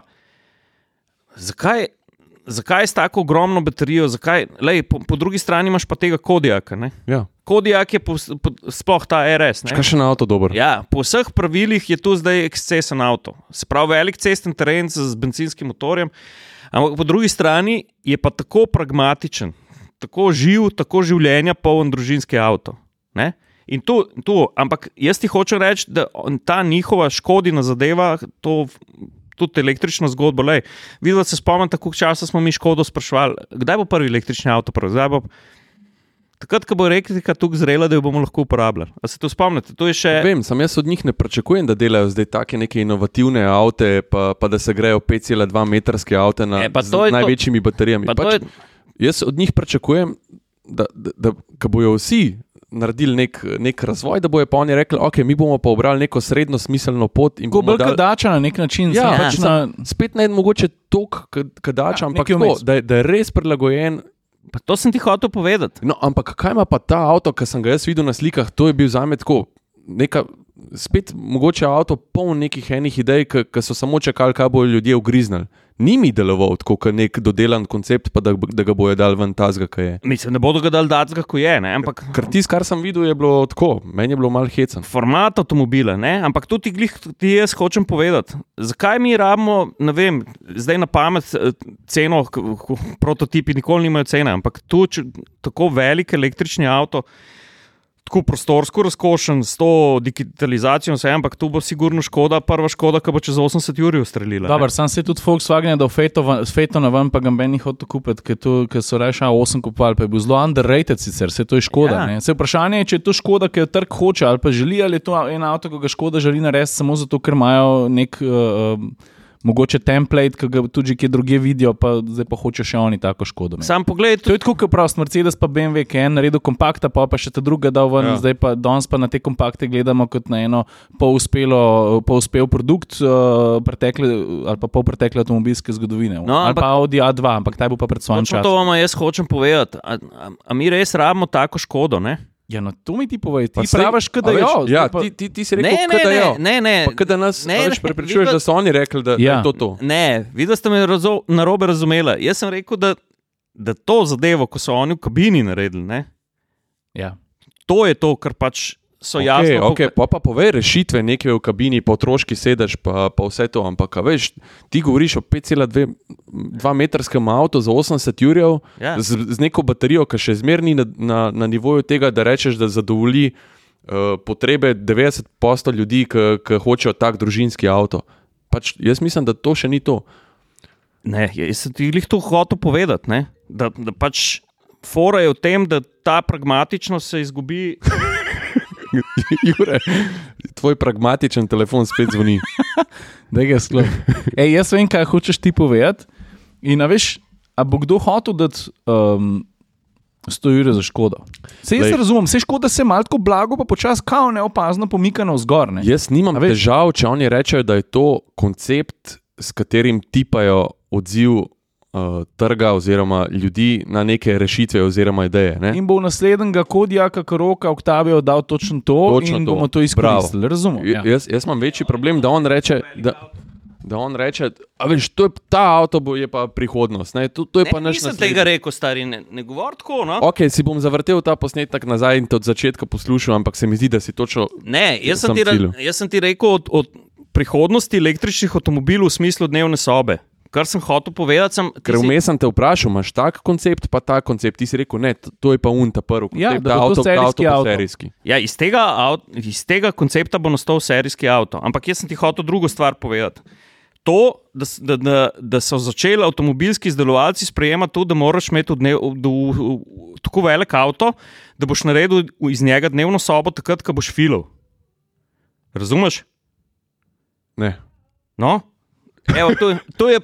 ne vem. V bistvu škoda bo naredila ogromen avto, da se neš narobe s tem, ampak razumem koncept dnevne sobe. Mislim, se, lej, se, se ga je že ravno probo uh, narediti Ja, z glej. Velsatisom, pizda. Še enkrat, Ni šlo skozi. še ampak dobro, enkrat. druga stvar. Ne bo, pri elektriki mi ne bomo imeli tako, kot imaš na petrolu, uh Mhm. -huh. ki prideš, pa se zgodi, v, naliješ v, v petih minutah, šestih minutah toliko megavatov energije v svoj uh, prostornino svojega rezervoarja. Uh Mhm. -huh. In Čehi so zdaj povedali, mi rabimo večje tudi avtomobile, zaradi tega, ker pač.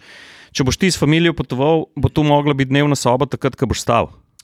Ja- Jaz mislim, da škoda mora iti v to smer, kar je Kodjak RS. In, a veš, da, da to so neke stvari, da malo potipajo, kaj se dogaja, pa, pa da malo pokažejo, da so tudi oni napredni, pa da razmišljajo Če o tem. vložiš Ampak, 5,6 milijard v elektromobilnost, ne tipaš, stari. lej, to, so, to so zahteve trga, pa politike, kar, kar so oni mogli narediti. Ja, sam- Ampak, Jure, lej, ti zdaj vozaš avto, vse si mi lih prej razlagal. Vozaš avto, ki se ga ne da dobiti, zaradi tega, ker je razprodan. Kjer avto je to? Kupra, Leon. Bencinska. Ja, ne, ne samo da je razprodan, konc je kjuzel. Se, se to. Ampak tu smo se že, po, tu Ampak smo to, se je- že to je avto, ki ga ljudje iščejo. Ja, ampak tu smo se že pogovarjali. Tukaj je dala evropskim inženirjem politika uh, zanko za vrat. Pa se to ti govori. Lej, teh avtov je v Slovenijo. Se zaradi tega je pa škoda šla pod neko prisilo v te koncepte, Ja, razumeš? se so šli vsi. Prodajajo Ja, ne, pro- to, pro- to. Ja, so To. šli vsi. Ampak hočem ti sam reči, da, da trg, trg išče avto, kot je.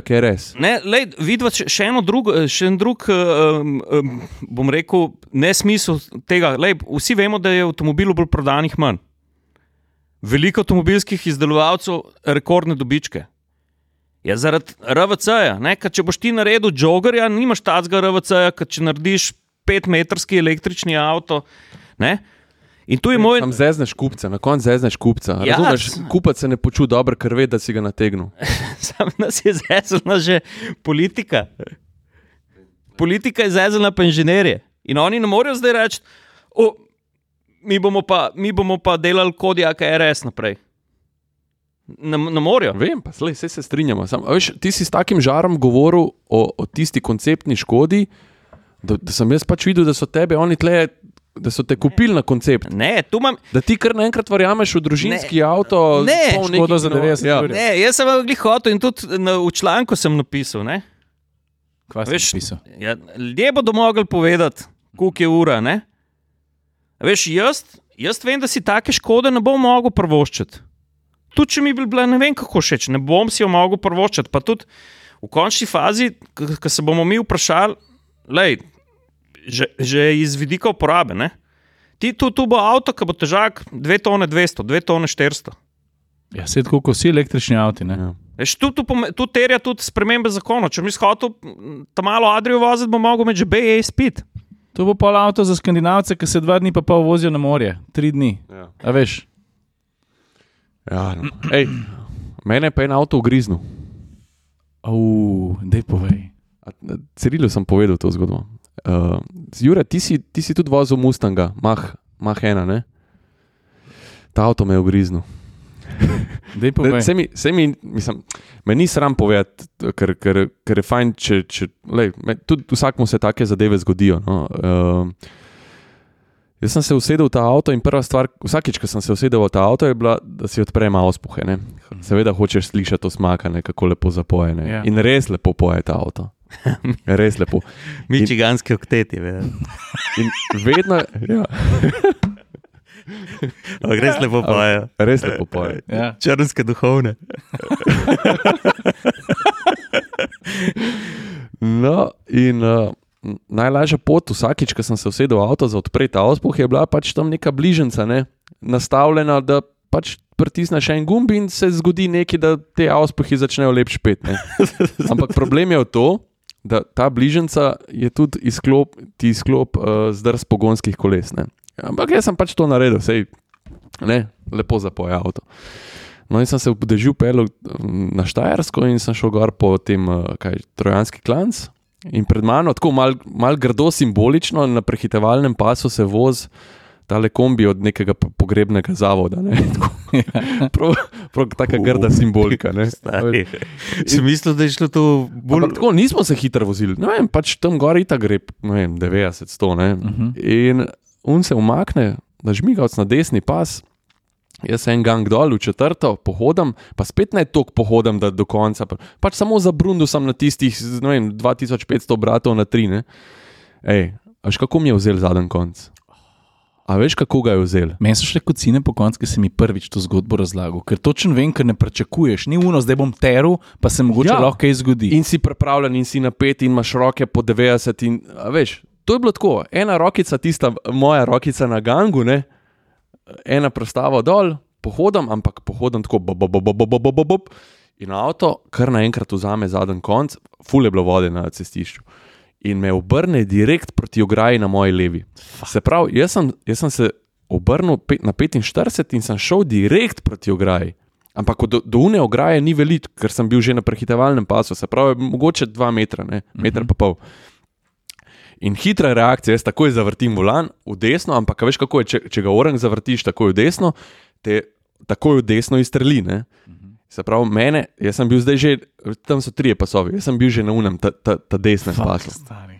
In jaz, se pravi, to, to je izgledalo, da sem bil jaz ene štirikrat, petkrat levo, desno. Ti nisi vozil, ti si jaho Mustanga. Ja, res, ja. A veš kako. Ampak najhujš, mislim, no, oziroma najboljše od vsega je pa bilo, ker sem jaz videl, da bom jaz ta avto rešil, da bom jaz to ujel. V enem trenutku, ne? V enem trenutku sem jaz rekel, sem videl, ok, jaz to imam, sam še dvakrat, trikrat ga moram preložiti, Ja. ja. pa ga bom jaz ujel. A veš, pač imaš to, ne vem, jaz pač imam to vse, da sem videl, da mi bo začel, ne? Sem začel uživati. Zato je pa tako razpisala električna škoda, vidiš? Ej, in jaz, se pravi, prvič sem cviknil, drugič sem cviknil, tretjič sem rekel, mogoče ga imam, četrtič sem rekel, imam ga. The best. In dejansko sem pomislil, tako tudi ukrotijo Mustange. Ne? Ja. Mustang je divji konj, ki ga na koncu ukrotijo. Ne? In točno to sem, veš, kera dobra izkušnja. In tisti četrtič, petič, jaz ne vem, kaj so si oni od zadaj mislili. Ja. Ne vem, kaj si je mislil iz pogrebnega. I'm ready, let's do this. tako res, po mojem, un videl sem tako luči, kako pletajo levo, desno. Yeah. Ampak jaz sem un avto rešil, ampak tretjič, četrtič, petič Je bilo pa sem, je bilo tako uživanje, ker sem ga reševal, pa sem rekel, ujel, ujel, ujel. Stari, ujel. ti si bencinski Robert Redford, horse whispering. Ej, jaz bi samo rad eno stvar izpostavil, da ne bo slučajno kakšnega nesporazuma. To ni šlo za neko objestno vožnjo, ti si Ne. moral rešiti situacijo, Jaz sem znotraj res. tega stresa. Mene je pa- presenetil. Si pa najdel svoj moment. Ne? Uh, me, seveda me je izučil to, da naslednjič pogledam, kaj menjam te vozne programe, uh -huh. da si naštimam tazga, seveda, kad ti v dežju absolutno uh, pusti pržgan uh, ESP oziroma zdrs pogonskih Tudi, koles. eh, zato jaz v testu napišem, da so določena stikala, stikalo poguma pa znanja. Ne? Ti, Ne, pa sej, mi trije smo vsi navoženi, pa, pa imamo izkušnje, pa, pa si take, take zadeve, mislim, ne uh, upamo voziti, ne vem, mislim, upamo voziti, se to ni zdaj taka stvar. Ne. Ampak jaz vseeno imam vedno rad vse pržgan. Li zaradi takih trenutkov nepozornosti, ne, ki te lahko Ej, ujame. preden zgine, a si ti opazil, da je Jure toliko živel v tej zgodbi, da so se mu očala zarosila? Jaz vedno, To je neverjetno, to note stari, jaz, vedno, jaz vedno uživam. Jaz, jaz vedno uživam in tudi prej, ko smo v Škodi uh, govorili. Jaz, jaz bom naredil sliko Daj, in preden zgine, stari model je za Švico. In so se mu začela rositi očala, ki je poslušal, ne, ki bo zginil. Tipe naš, kaj je rekel prej od sevih, Ciril, ki je učil na norveškem? Da prav kot svetlava je. No, Ej, uh, ne, ampak kako je. kako je oblečen. še. Pa Stari, pa stari, ti si tudi tu res doživeto povedal. Ne? Pa všeč mi je bilo, da te ugrizne, ne? ker Mustang te dejansko ugrizne. Vsi mislijo, da konj sem brcne. Ne? Ampak ta prav, ta divji Mustang, stari, oni so se v preriji razmesarili, vrtove, ne? ko so se tepeli za babe. Ne? Je drugače pa fajn avto. Konji. A ti veš, da je tu po karakterju najbolj, najbolj uh, divji konj, ne? tako Ja. ja. brez zebancije. Ni ne nos Mustang s to dolgo haubo, Ja, Mustanga v galopu na znački. Ne? ja, ja. ja. Veš, in tako prav, prav videl sem ga in prav videl sem ga s tistim kavbojskim klubukom, a veš. Laso. Ej, Lucky Luke scena, A je Mustang še zmeraj najcenejši V8. ja. V8 športen avto? Po mojem, ja. 500, 500 plus konjev. Ja. Ta, ta, je sicer, ta je sicer malo dražji, ker je uh, special edition, Mach 1. Ne? Ja. Ej, kaj pa kugla, stari, za Kugla, šalta. za šaltat. Oh. Pa ta avto je. Še kaj bo tale, ki sem ga pel, zakaj se zdaj ne spomnim imena? No? Kjer?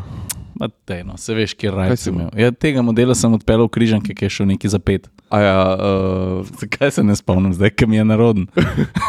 kjer je že bil? A misliš, da se on spomni? A, stari. Dej, no, dej a mi. Zdaj se vsi derajo. Čakaj, ni bil telefon. Peter Grašo, Ne, ne, ni bil Džiboni. ne, ne. Kjer je bil? Če Eva posluša, se zdaj dere, koj vosu si ti. Kdo je imel še koncert? Da dej ta model. Že so on pa, on pa plestenjak, se veliko v ostatku. Rovini je doma. Slišiš? Kdo je, kdo je bil še? Pa ta model. Elton John. Aj, Ta model. uh, tak, no, malo je čabi že pa brati. Lepo pojen. O, šit, vidi. Dobro, le, ne No, gremo. ti- si ga, a ja, se res. A, En dan krompir, te drug dan pa on. Dej pogled. Ne, v glavnem se pelemo v avtu in je, uh, in je porajto takoj uh, kuglo menjalnika, ker je res bela, okrogla, pač kugla, kot biljard kugla, sem da ima gor še narisane prvi gang, drugi gang, vse do šestega pa reka. jaz sem vozil. Si voze, jaz, ja, jaz še čakam testen termin. No. Kak- Toni Cetinski. Toni Cetinski, Toni Ubrost, Jure spet za Švico, zdaj ga lahko slikaš. V glavnem, jaz sem sedem v avto in veš kaj, um, neke težave so imeli par. Uh, Kakšen odnos do hrvaške glasbe? Ti da boš mogel iti več rovin na morje, Ciril Belti. no, Toni Cetinski je, je porajal kuglo in je rekel. Um, Čakaj, ljudje pa ne to, vejo, kaj, kaj je fora. Dej, si, Ne, le, Kaj kaj, ne, da ne bom, da ne bom uh, izpostavil, okay, ker mogoče ne bi smel, pa se jim naštazga. Uh, namreč pri prevozu se je zakompliciral in nekdo, ki je bil zraven pri tem, da skrbi za dobrobit umetnika, Ne. je rekel: Poslušaj, jaz v Ljubljani ne poznam 100-500 ljudi, a imaš ti cajt, da bi enega modela zapeljal iz hot- od hotela do, do, do križank. Sem rekel, je pa imam, tako soboto popoldne, kva bomo naredili, da je povej, on prav, da je v Toni Cetinski bi rabo en raj, to je tako, what? zdaj bo še stokrat rekel, Toni Cetinski. Uh, je način, Toni Cetinski. Toni Cetinski. Jaz si Tony. Ja, način pa sem ga pobral, oziroma sva ga z Evo skupaj pobrala pred hotelom in uh, se usedel, boga mi, šta je ovo. in se usedel noter, gleda uno kuglo. Pa ja bi to vozil, ja, S klaso ali mi Mustang mislim. In je pa rekel, ne, uh, me je pa malo, se sen, ni me razočaral, me pa presenetil, pa rekel, ej, kdaj bo uno Tesla, pa v tu vrnaku, kaj je špica, pa klin, pa vse A, ostalo. Cybertruck. To bi on imel. Um, Kar najmanj je. To nam je rekel. ja, zdaj idemo za hit zažlajfati, ker bo Saša v bolu. Pa SpaceX, pa nalepke gor, pa Elona na mestu Elvisa. Not, kot On zdaj hoče tunkati ta avto v vodo, si videl. Ne? Je, stari, to je pa, da to je pa baterije, pa, pa Ja. morska voda. Elon, Čakaj, dej, Ne, ne, ne, daj, povej, povej. Pač, lej, en kontroverzen lej, človek, meni gre, men gre on čez dalje bolj na živce. No. Ker prihaja v nek, nek, nek radikalen možek, eh, ne vem, kaj si mislil, sploh, a veš. Karkoli si misliš, si jaz mislim enako. Okay. No, Grozno. glavnem, uh, ta Mustang je en dan vozil Cetinskega, drug dan si ti z njim krompir, pelo smo pokazali vso raznolikost te mišice in to je to. Ne, sem jaz sem hotel pri tem Mustangu drugo eno stvar vprašati, ne? ker meni men se je zdelo, veš, vsi evropejci tako smo gledali na te avto, se nas palijo, pa vse, ampak američan sem narediti avto, ko gre hitro v ravni črti. Ja, ste videli, vidva te hode tega menjalnika? Ja, ful so kratki. Kako se ta avto pele? Ja, ja. V bistvu muška kugla, ne, Ja. taka orang ročica, ampak hodi so pa klik, klik zelo kratki. Mhm. Ampak, Taki- okay, sklopka, sklo, sklopka pa ja, je muška. Ne? Sklopka je težavna, ampak tudi lega na cesti, pa tu kako gre avto v vink. Ne? Mhm. Sklopka je tako trda, kot včasih na pick-upih, tako 15-20 let nazaj. Ja. Se spomniš? Ja. Ja.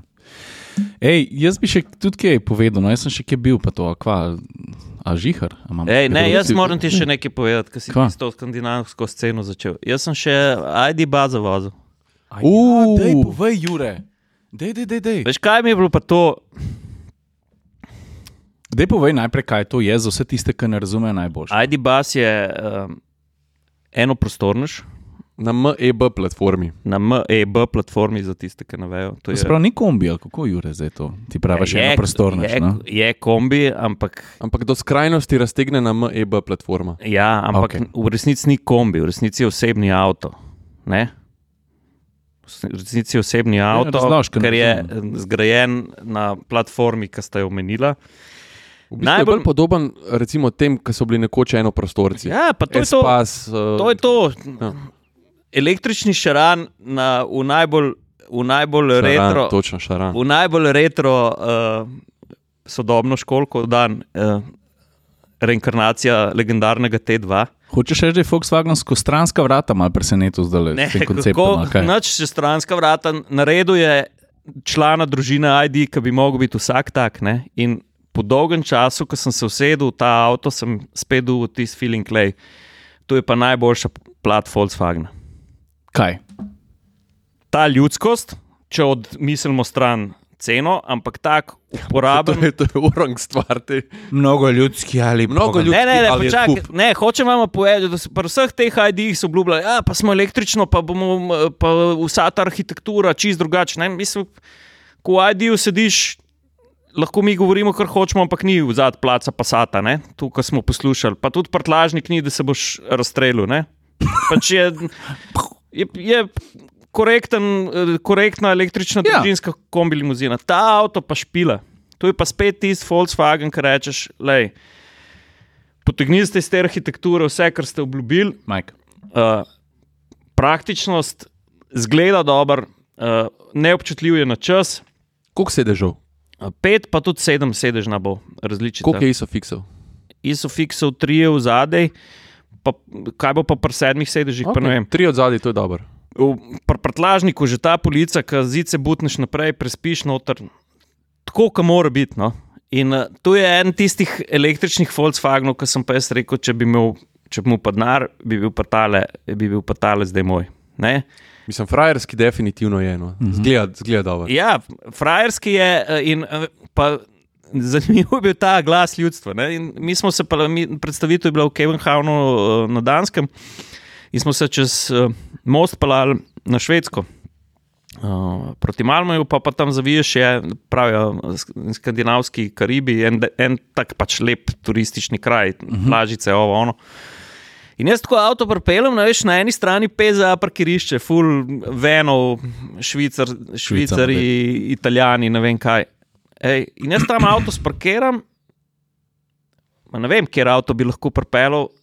Jaz sem imel v, v, v 20 sekundah avto poln ljudi. Mm.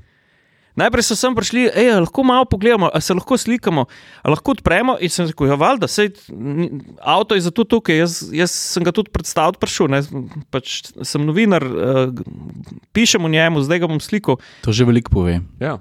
Ampak To je tako, kot prosto. tudi če ne špilaš na karto nostalgije, ne, če, ne, če se ne spomniš te dvaja, pa legendarnega, ne, Špila. To je tako kot 97, ki je Volkswagen dal po dolgem času novega bitla ven, pa tudi če ti ne bi sploh vedel za prvega bitla, Ja, ker si ja. ta avto takrat ti si rekel, Ja. what? Ja, ja, ja. Ne, kaj hud. ja. Ne, ampak prav, tu, veš, tudi ta arhitektura, ne, to, kar so oni skozi obljubljali, da bodo naredili. Ja, se mi zdi, da so nekje v vicah ostali, vmes med klasičnim avtomobilom in električnim, zdaj pa pride ta model. Ne? Uh -huh. In, in res, te predali od spod, ta posla, prostor, ki se usedeš not, preglednost, kabina, si rečeš, le. Pa kje ste bili zadnje štiri leta, pet, veš, dej, zakaj niste dali ta avto najprej? Ne? A Jaz sem dobil vabilo na to predstavitev, pa moram reči, da me je kar malo zapekel, ker sem ga mogel odkloniti, ker me tudi ni bilo v Sloveniji, takrat sem bil na eni drugi stvari. No. Tako da sem, uh, me je res zanimalo, kaj boš povedal, pa kako bo vse skupaj v praksi izpadlo. Cena? Kje Mislim, smo? a si ga lahko prvoč nek surfer, k, ali pa nek. Ja, mogoče si Un- unsurfer, ker ima že Dedič. deset oddaj na National Geographicu. Mislim, za cena ni nič ljudska, ljudska 60 plus. Ne. Mhm. A Veš, in to je, lej, klej, klej, smo, pa- klej smo pa tam, ko udarmo. Ne? Energijska gostota, ta eh, preklemano draga.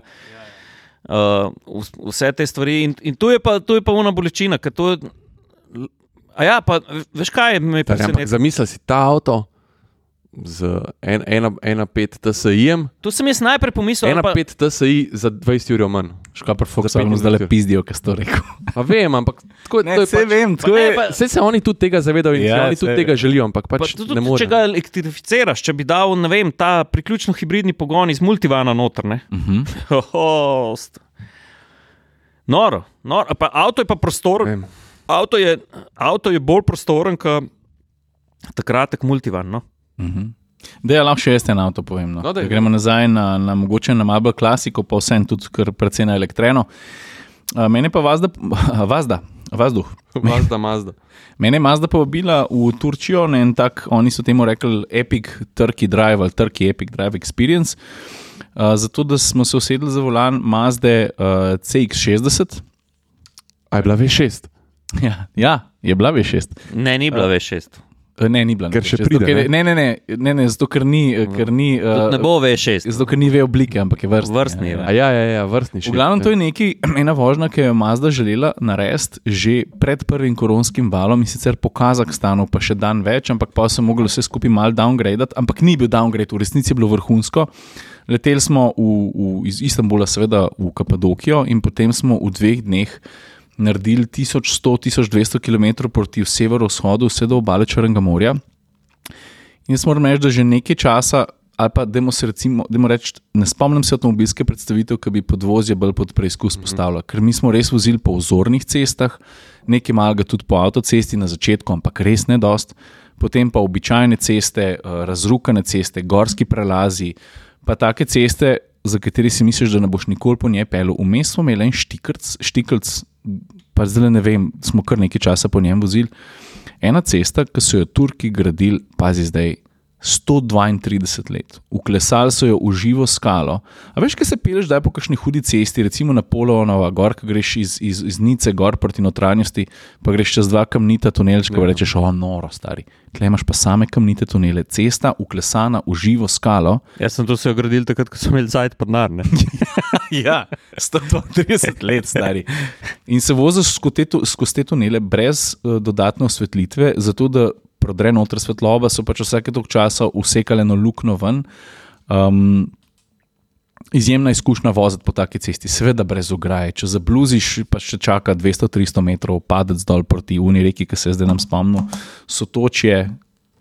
Upam, da bojo Turki Ne bo prej naredili tale uh, karavanke, kot Ja, so to. Kukor dobro delajo. Ej, skratka, Tukaj- tale, tale Mazda, da vas prekinem, če ne bi pozabil. No. Um, v bistvu ta, ta osnovna je tudi že v Sloveniji prišla, je priključen hibrid, to se pravi 2,5 litrski benzinar, pa pol ena uh, koliko 17 kW, 18 kW baterija, pravijo 62 km na štrom, v resnici tam okrog 50, se vemo, kako je s tem, pa pol po zim, Jure, koliko že pade doseg, tam za 25 posto gotovo. ne.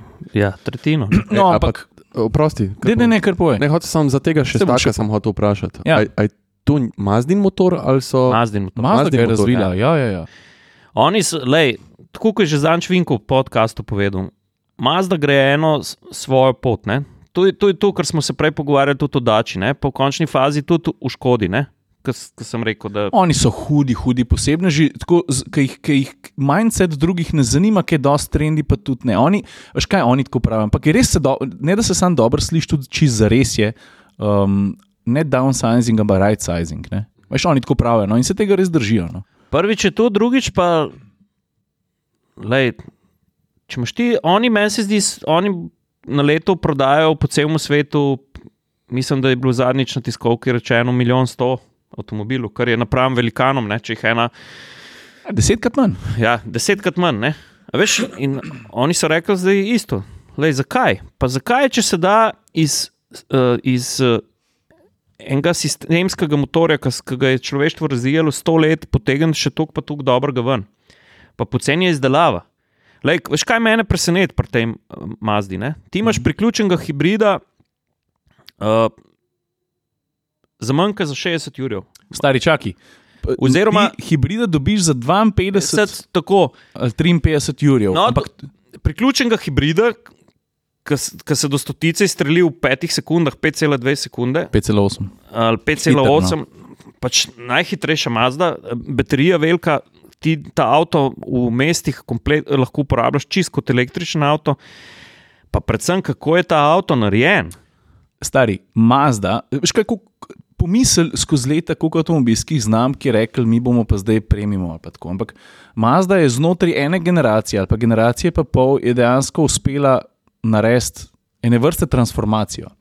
A veš, dizajn je zelo minimalističen, recimo v kabini konkretno. Dobro, zunaj kodo, pa se veš, Jimba Ita, sožitje konja, jezdeca, pač ta marketinška zgodba, na kaj oni vse pazijo, pa prvoznih lastnostih. Ampak uh, kabina je tako univerzalno, folko, ful všeč. Ker se mi zdi, da je tako res klasika, izvrstni materiali, uh, dobro je sestavljen, dobro zgleda, lahko uporabljati, zaslon ni prevelik, meniji so mega preprosti, avto je. Avto je res, res fajn, dolg je prost, kaj vem, da hočeš Ne, nekaj povedati. Samo, hotel- Saj točno to, vse, vse si povedal, ampak jaz, sam, jaz vedno poudarjam in vedno rečem to, da Mazda se zna dotakniti premiuma, noče pa iti v premium, ki ve, kaj je premium. Ne? ja, točno tako. In Mazda, Mazda se dotika premiuma in je namenjena tistim kupcem, ki hočejo kvalitetno izdelavo, dobre materiale, ampak nočejo pa iti v premium. Ne? Nočejo, ja, ampak Pa ne, jaz ne bi rekel, da se dotika, kar konkretno da roko, ampak ne furajo te, zdaj, zdaj smo pa mi tekmec, ne vem komu. Mi znamo narediti full dobro avto, drugačen, kakovostno izdelan. Uh, No. drugače je ta avto razmeroma velik. Ne, glede tekmecev je tako, se oni so rekli, ne, mi se spogledujemo. Ok, lahko rečeš, da je naš tekmec tudi Toyota RAV4 plugin, recimo. Ampak so rekli, vse so rekli na tiskovki, BMW X3, Audi Q3, Q3 Sportback. Uh -huh. uh, pa ena stvar, drža, stance tega avtomobila je tako svetovna. Stari, če ga pogledaš od zadaj, tri četrt, full dolg krov motorja, uh -huh. pa, pa kako se kabina nazaj nagne, kako streha pada in dejansko spominja ta stance, ta drža na, da mu reč na Velarja, uh -huh. na, na SUV, Jaguarja. Pa oni so razvili, razvili zdaj šestvaljni dizel, ki ga bodo tudi v Evropo pripeljali.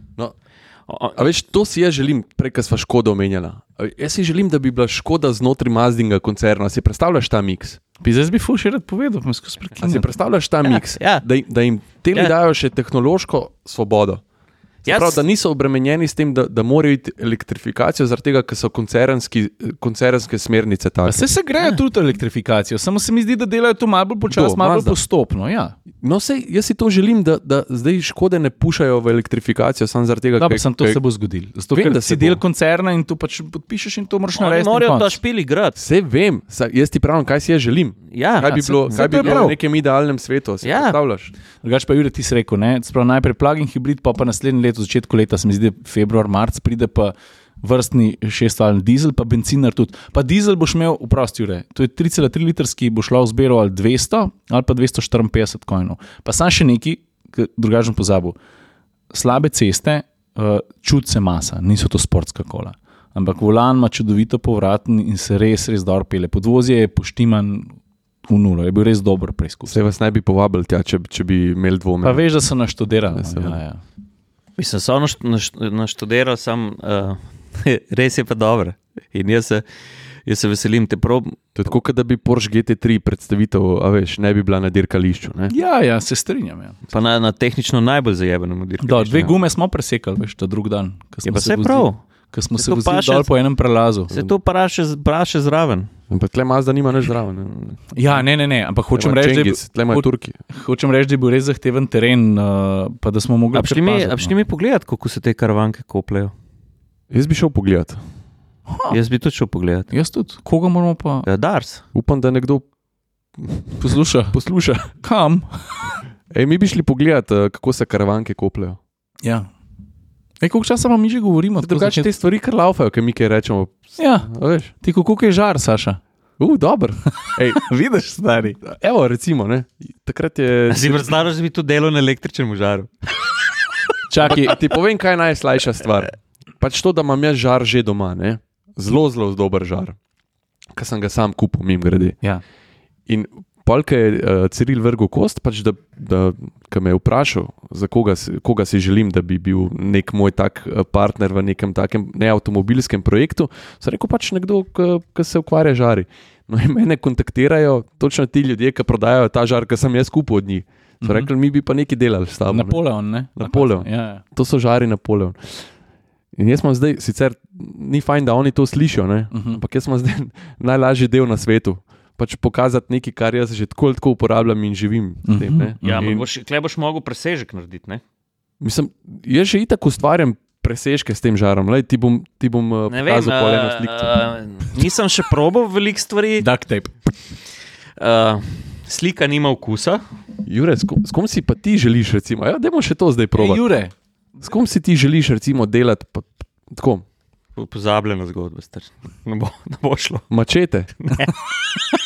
povej. Freze. Goldoni, uh, dobro, s Kerherjem delamo, Unimo, Unimog. Ampak Kerher je ist, ista taka zadeva. Mi, mi, mi bi tako tako ali tako živeli s temi stvarmi, tudi tud, če, Ja. ja. tud, če ne bi pač delali na neki Pač, taki. jaz sem to že dosti uporabil, povedal, ko me tu kdaj vprašajo, "A- a si ti zdaj influencer. Sem rekel, ne, ker mi ponujajo neke stole. Pa sem jim jaz povedal, Bravo. jaz to na. k- Kaj mi, ja, en mi je enkrat napisal, ja, pa pet stolov za stojn. Sem rekel, jaz ne znam to ocenjevati. Jaz sem šel s to v IKEA kupiti in sem tu prepustil ženi, ker tudi nisem neke stet za notranje oblikovanje. In ka- In kaj naj je stolom, počnem razen tega, da se gor usedem. In- Res? Ne, jaz pač, jaz pač nisem te sorte človek, ki bi, ki bi padel na. No, ampak dej, dej, nekaj moraš povedati. No, če sem jaz takrat izstrelil žar, kratkole. No. Ja, Ne, fiskar si kere so mi blizu. Tudi jo uporabljam. Eno sem dobil za rojsten dan, pa je tako dobro, da sem si pa šel še večjo kupiti za drva Ja, seka. fi, prosti, a je fiskar je firma. Ja, kako? fin. Mi smo mu kupili za rojsten dan, za Mačeto. mačeto, fi, a je bila fiskar. Ne? Ne, um, uh, Gerberjeva. A Gerberjeva je bila. Uh, ena, ena prijateljica, ki jo zelo cenim, je pa kupila fiskarjevo sikero. Ej, stari, če ti jaz mogo še enkrat ta Stari, maj daj, porin prosim pred te, usta. Jure, prosim te. Ti tako. "Ah, ah, ah, ah." Pa rečeš eno besedo v mikrofon.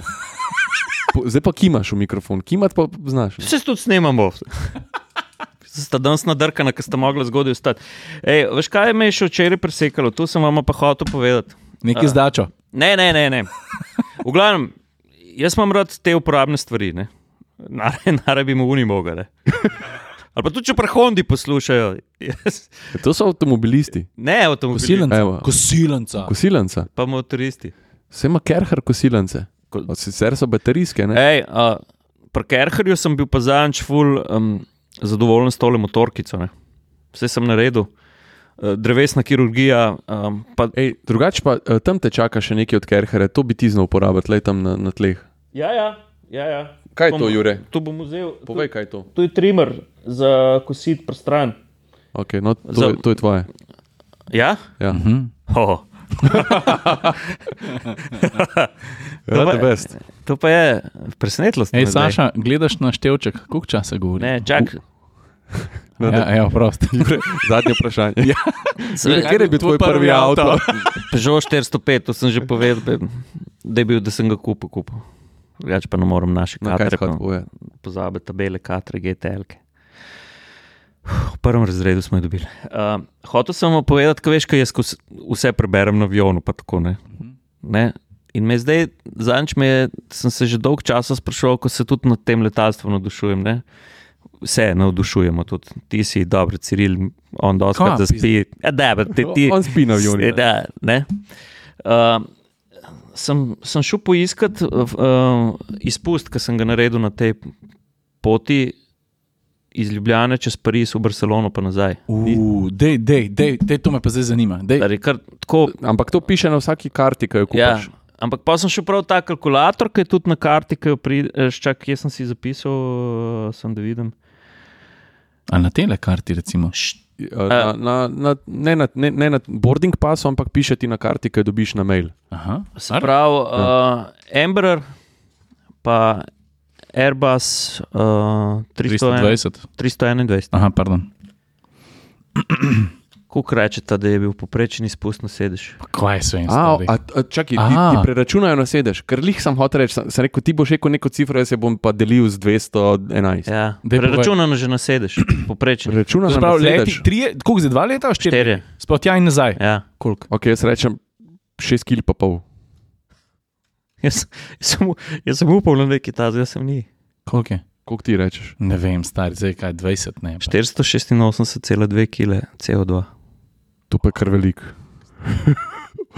na sedež. Srhljivo. Ne, ne nasedeš. No. Na sedež. Okay. In pa so avti problem. Prečen izpust na sedež, le, čakaj, kje, imam, kje sem si to zapisal. Da ti preveri še enkrat ta podatek. Ja, to se no. mi zdi z- zelo velik. Ne, to je kar malo velik. Ja. Štir, štir, še premalo sem rekel, 487,06 kg na person. Na person. Na person. Ampak, fuck, to pa je kar velik. Srhljiv podatek. A je to. Ja, Veš kaj pa še bolj srhljiv podatek? Mm. To mi je pa povedal, sem tu ne vem, zdaj ali res ali ni. Meni je kolega iz Volana povedal, da je dosti tudi na poti, pa, da so baje v koroni, da so slote na taboljših letališčih uh, obdržale letalske družbe, da so baje prazni avioni letali. aha. Ja, vse to, to se mi zdi, da je res. Ja. Da ne jih je stari. Ja. In pa, veš, smo mi tam, ko mi začnemo razmišljati. Dobro, takrat je še zmeraj, moraš, moraš vedeti, okay, mogoče so bili prazni, ampak pošta je še zmeraj orang. Ja, ok, ja. ja. Sam, Pač tovor je bil takrat orang. ja, sam, za, za pošto imaš ti kargo avione. Ne? Se, tudi potniške so v tistem času eh, predelali v. v Ampak ni srhljiv podatek, stari to. Uh -huh. ja, ja, je, se strinjam. Nisem Jaz- pričakoval. Jaz sem kar. In pomaš doplačilo nekih. Čakaj, kam si šel, recimo, da povej razdaljo, ker nisi šel Ja, v New York. Ne? ne Ljubljana, eh, Pariz, Pariz. Pariz, Barcelona, Barcelona, No, Pariz. če bi z avtom naredil to pot, Ni šans, da bi. Ne vem, bi Daj- mogel preračunati. Bomo še to Bomo preračunali. Ja, malo zdaj pre- sem jaz pozabil, Ker mene zanima, veš, to je, to je vse kar dosti kilometrov, Mm. pa, pa, pa bomo preračunali še to, no? cifro z nekim avtom, kaj, vem, kaj rečemo. Ne vem, Moj dar, prečen. v redu. Pre, ja, Ja, ne, ki je hibridno. Ja, kaj je, kaj, da ni, zdaj v ni, redu. hi- ni hibridov na cestah, stari. Pač pokur 6 Ja, litrov. ne, na no, sam avion pa ni hibridno. pač Ja, vem, no, dobro. Toplotni motor, ne, ne. Ja, pa se imam toplotni motor. Ja, ok, ampak No, dobro, bomo najdeli en avto. Pa en avto, ki pokur 6-7 litrov na 100, no kaj? No, dej, Ja. dej to preračuni, pa mi, pa mi sporoči cifro, please. Pa, Boš pa, dal, pa bom, dal, bom dal zapiske, koliko je, koliko je cifra. ja, sem z avtom ne bi šel čez Pariz v Barcelono. Ja, no, pa Ali prav. če bi šel, imaš glej, primerljivo število kilometrov. Raz, ne. razdaljo, ja. Dobro. Ne, pa dej za oboje, eh, Ljubljana, Barcelona, pa Ljubljana, Pariz, Barcelona, kaj se to zdaj ja. ni. Tu moramo preračunati. Ja. Ampak tako, kar malo kar mal bed sem se počutil, no. res. Da, si, da si 400 kg uh, CO2 je spustil v zrak. Ja. Pa- Šte- pa še- 480, Pa še tvoj sopotnik, pa še un sopotnik, pa še, pa Mislim, še pa- 200. pa te si- avion- mi, ko sem se V Ljubljani vzel. vsi harikiri. Naprej pa nazaj so bili vsi zici polni. Veš kaj, to hočem ti reči. Ja, ja. Dobro, Ej, noč, lepo smo zaružili. Ej, pa še, jaz moram še na avto povedati. Dej ti, prosim, te govorim v mikrofon. Jaz nisem radijski človek. Ljudje, oprostite. stari, enkrat se umitem. Ljudje oprostite, pa stran od mikrofona reče, ljudje oprostite. Um, Toyota Corolla uh, Cross sem vozil včeraj. Dej na hitro povej. Jaz sem Prva- mislil to prešparati za naslednji podcast. Prva Corolla od leta 1966 naprej. Ja. Uh -huh. Ta je tudi starosel. Samo oni malo vzamejo to korolo, pa jo spet vrnejo, pa spet se spomnijo na korolo. Mhm. Mm -hmm. Ja, um, peta generacija hibridnega pogona. Vse spet dela malo bolj smut, vedno naredijo en korak, tako veš, da ko na avtocesto priješ, pa pohodiš, ni več od včasih, ki je bilo. Ja, tiši menjalnik je pa tako. Ja, Ja, uh, drugače pa, veš kaj se mi zdi, ta avto je ena tako zanimiva forma, popolnoma neizrazit avto. Ne? In klej jaz Toyoti ne verjamem, da so se oni čisto odločili uh, s to svojo obljubo, da čist za čist za res mislijo, da bodo nehali dolgočasne avto delati. Ne? Škaj, svetovno avto mora biti pa zgled. No, to sem ti hotel reči. Taka forma je, da si rečeš, ok, avto, Uh -huh. v redu. Uh -huh. Čez pet let bo isti izgledal, kar, kar ni slabo, ker bodo kašni izgledali starejši. Ampak, pa, ko se pa peleš not, ne, pa ugotoviš, da je to pa mogoče tak avto, ki je res za najširši ku, ku- okus kupcev narejen, Uh -huh.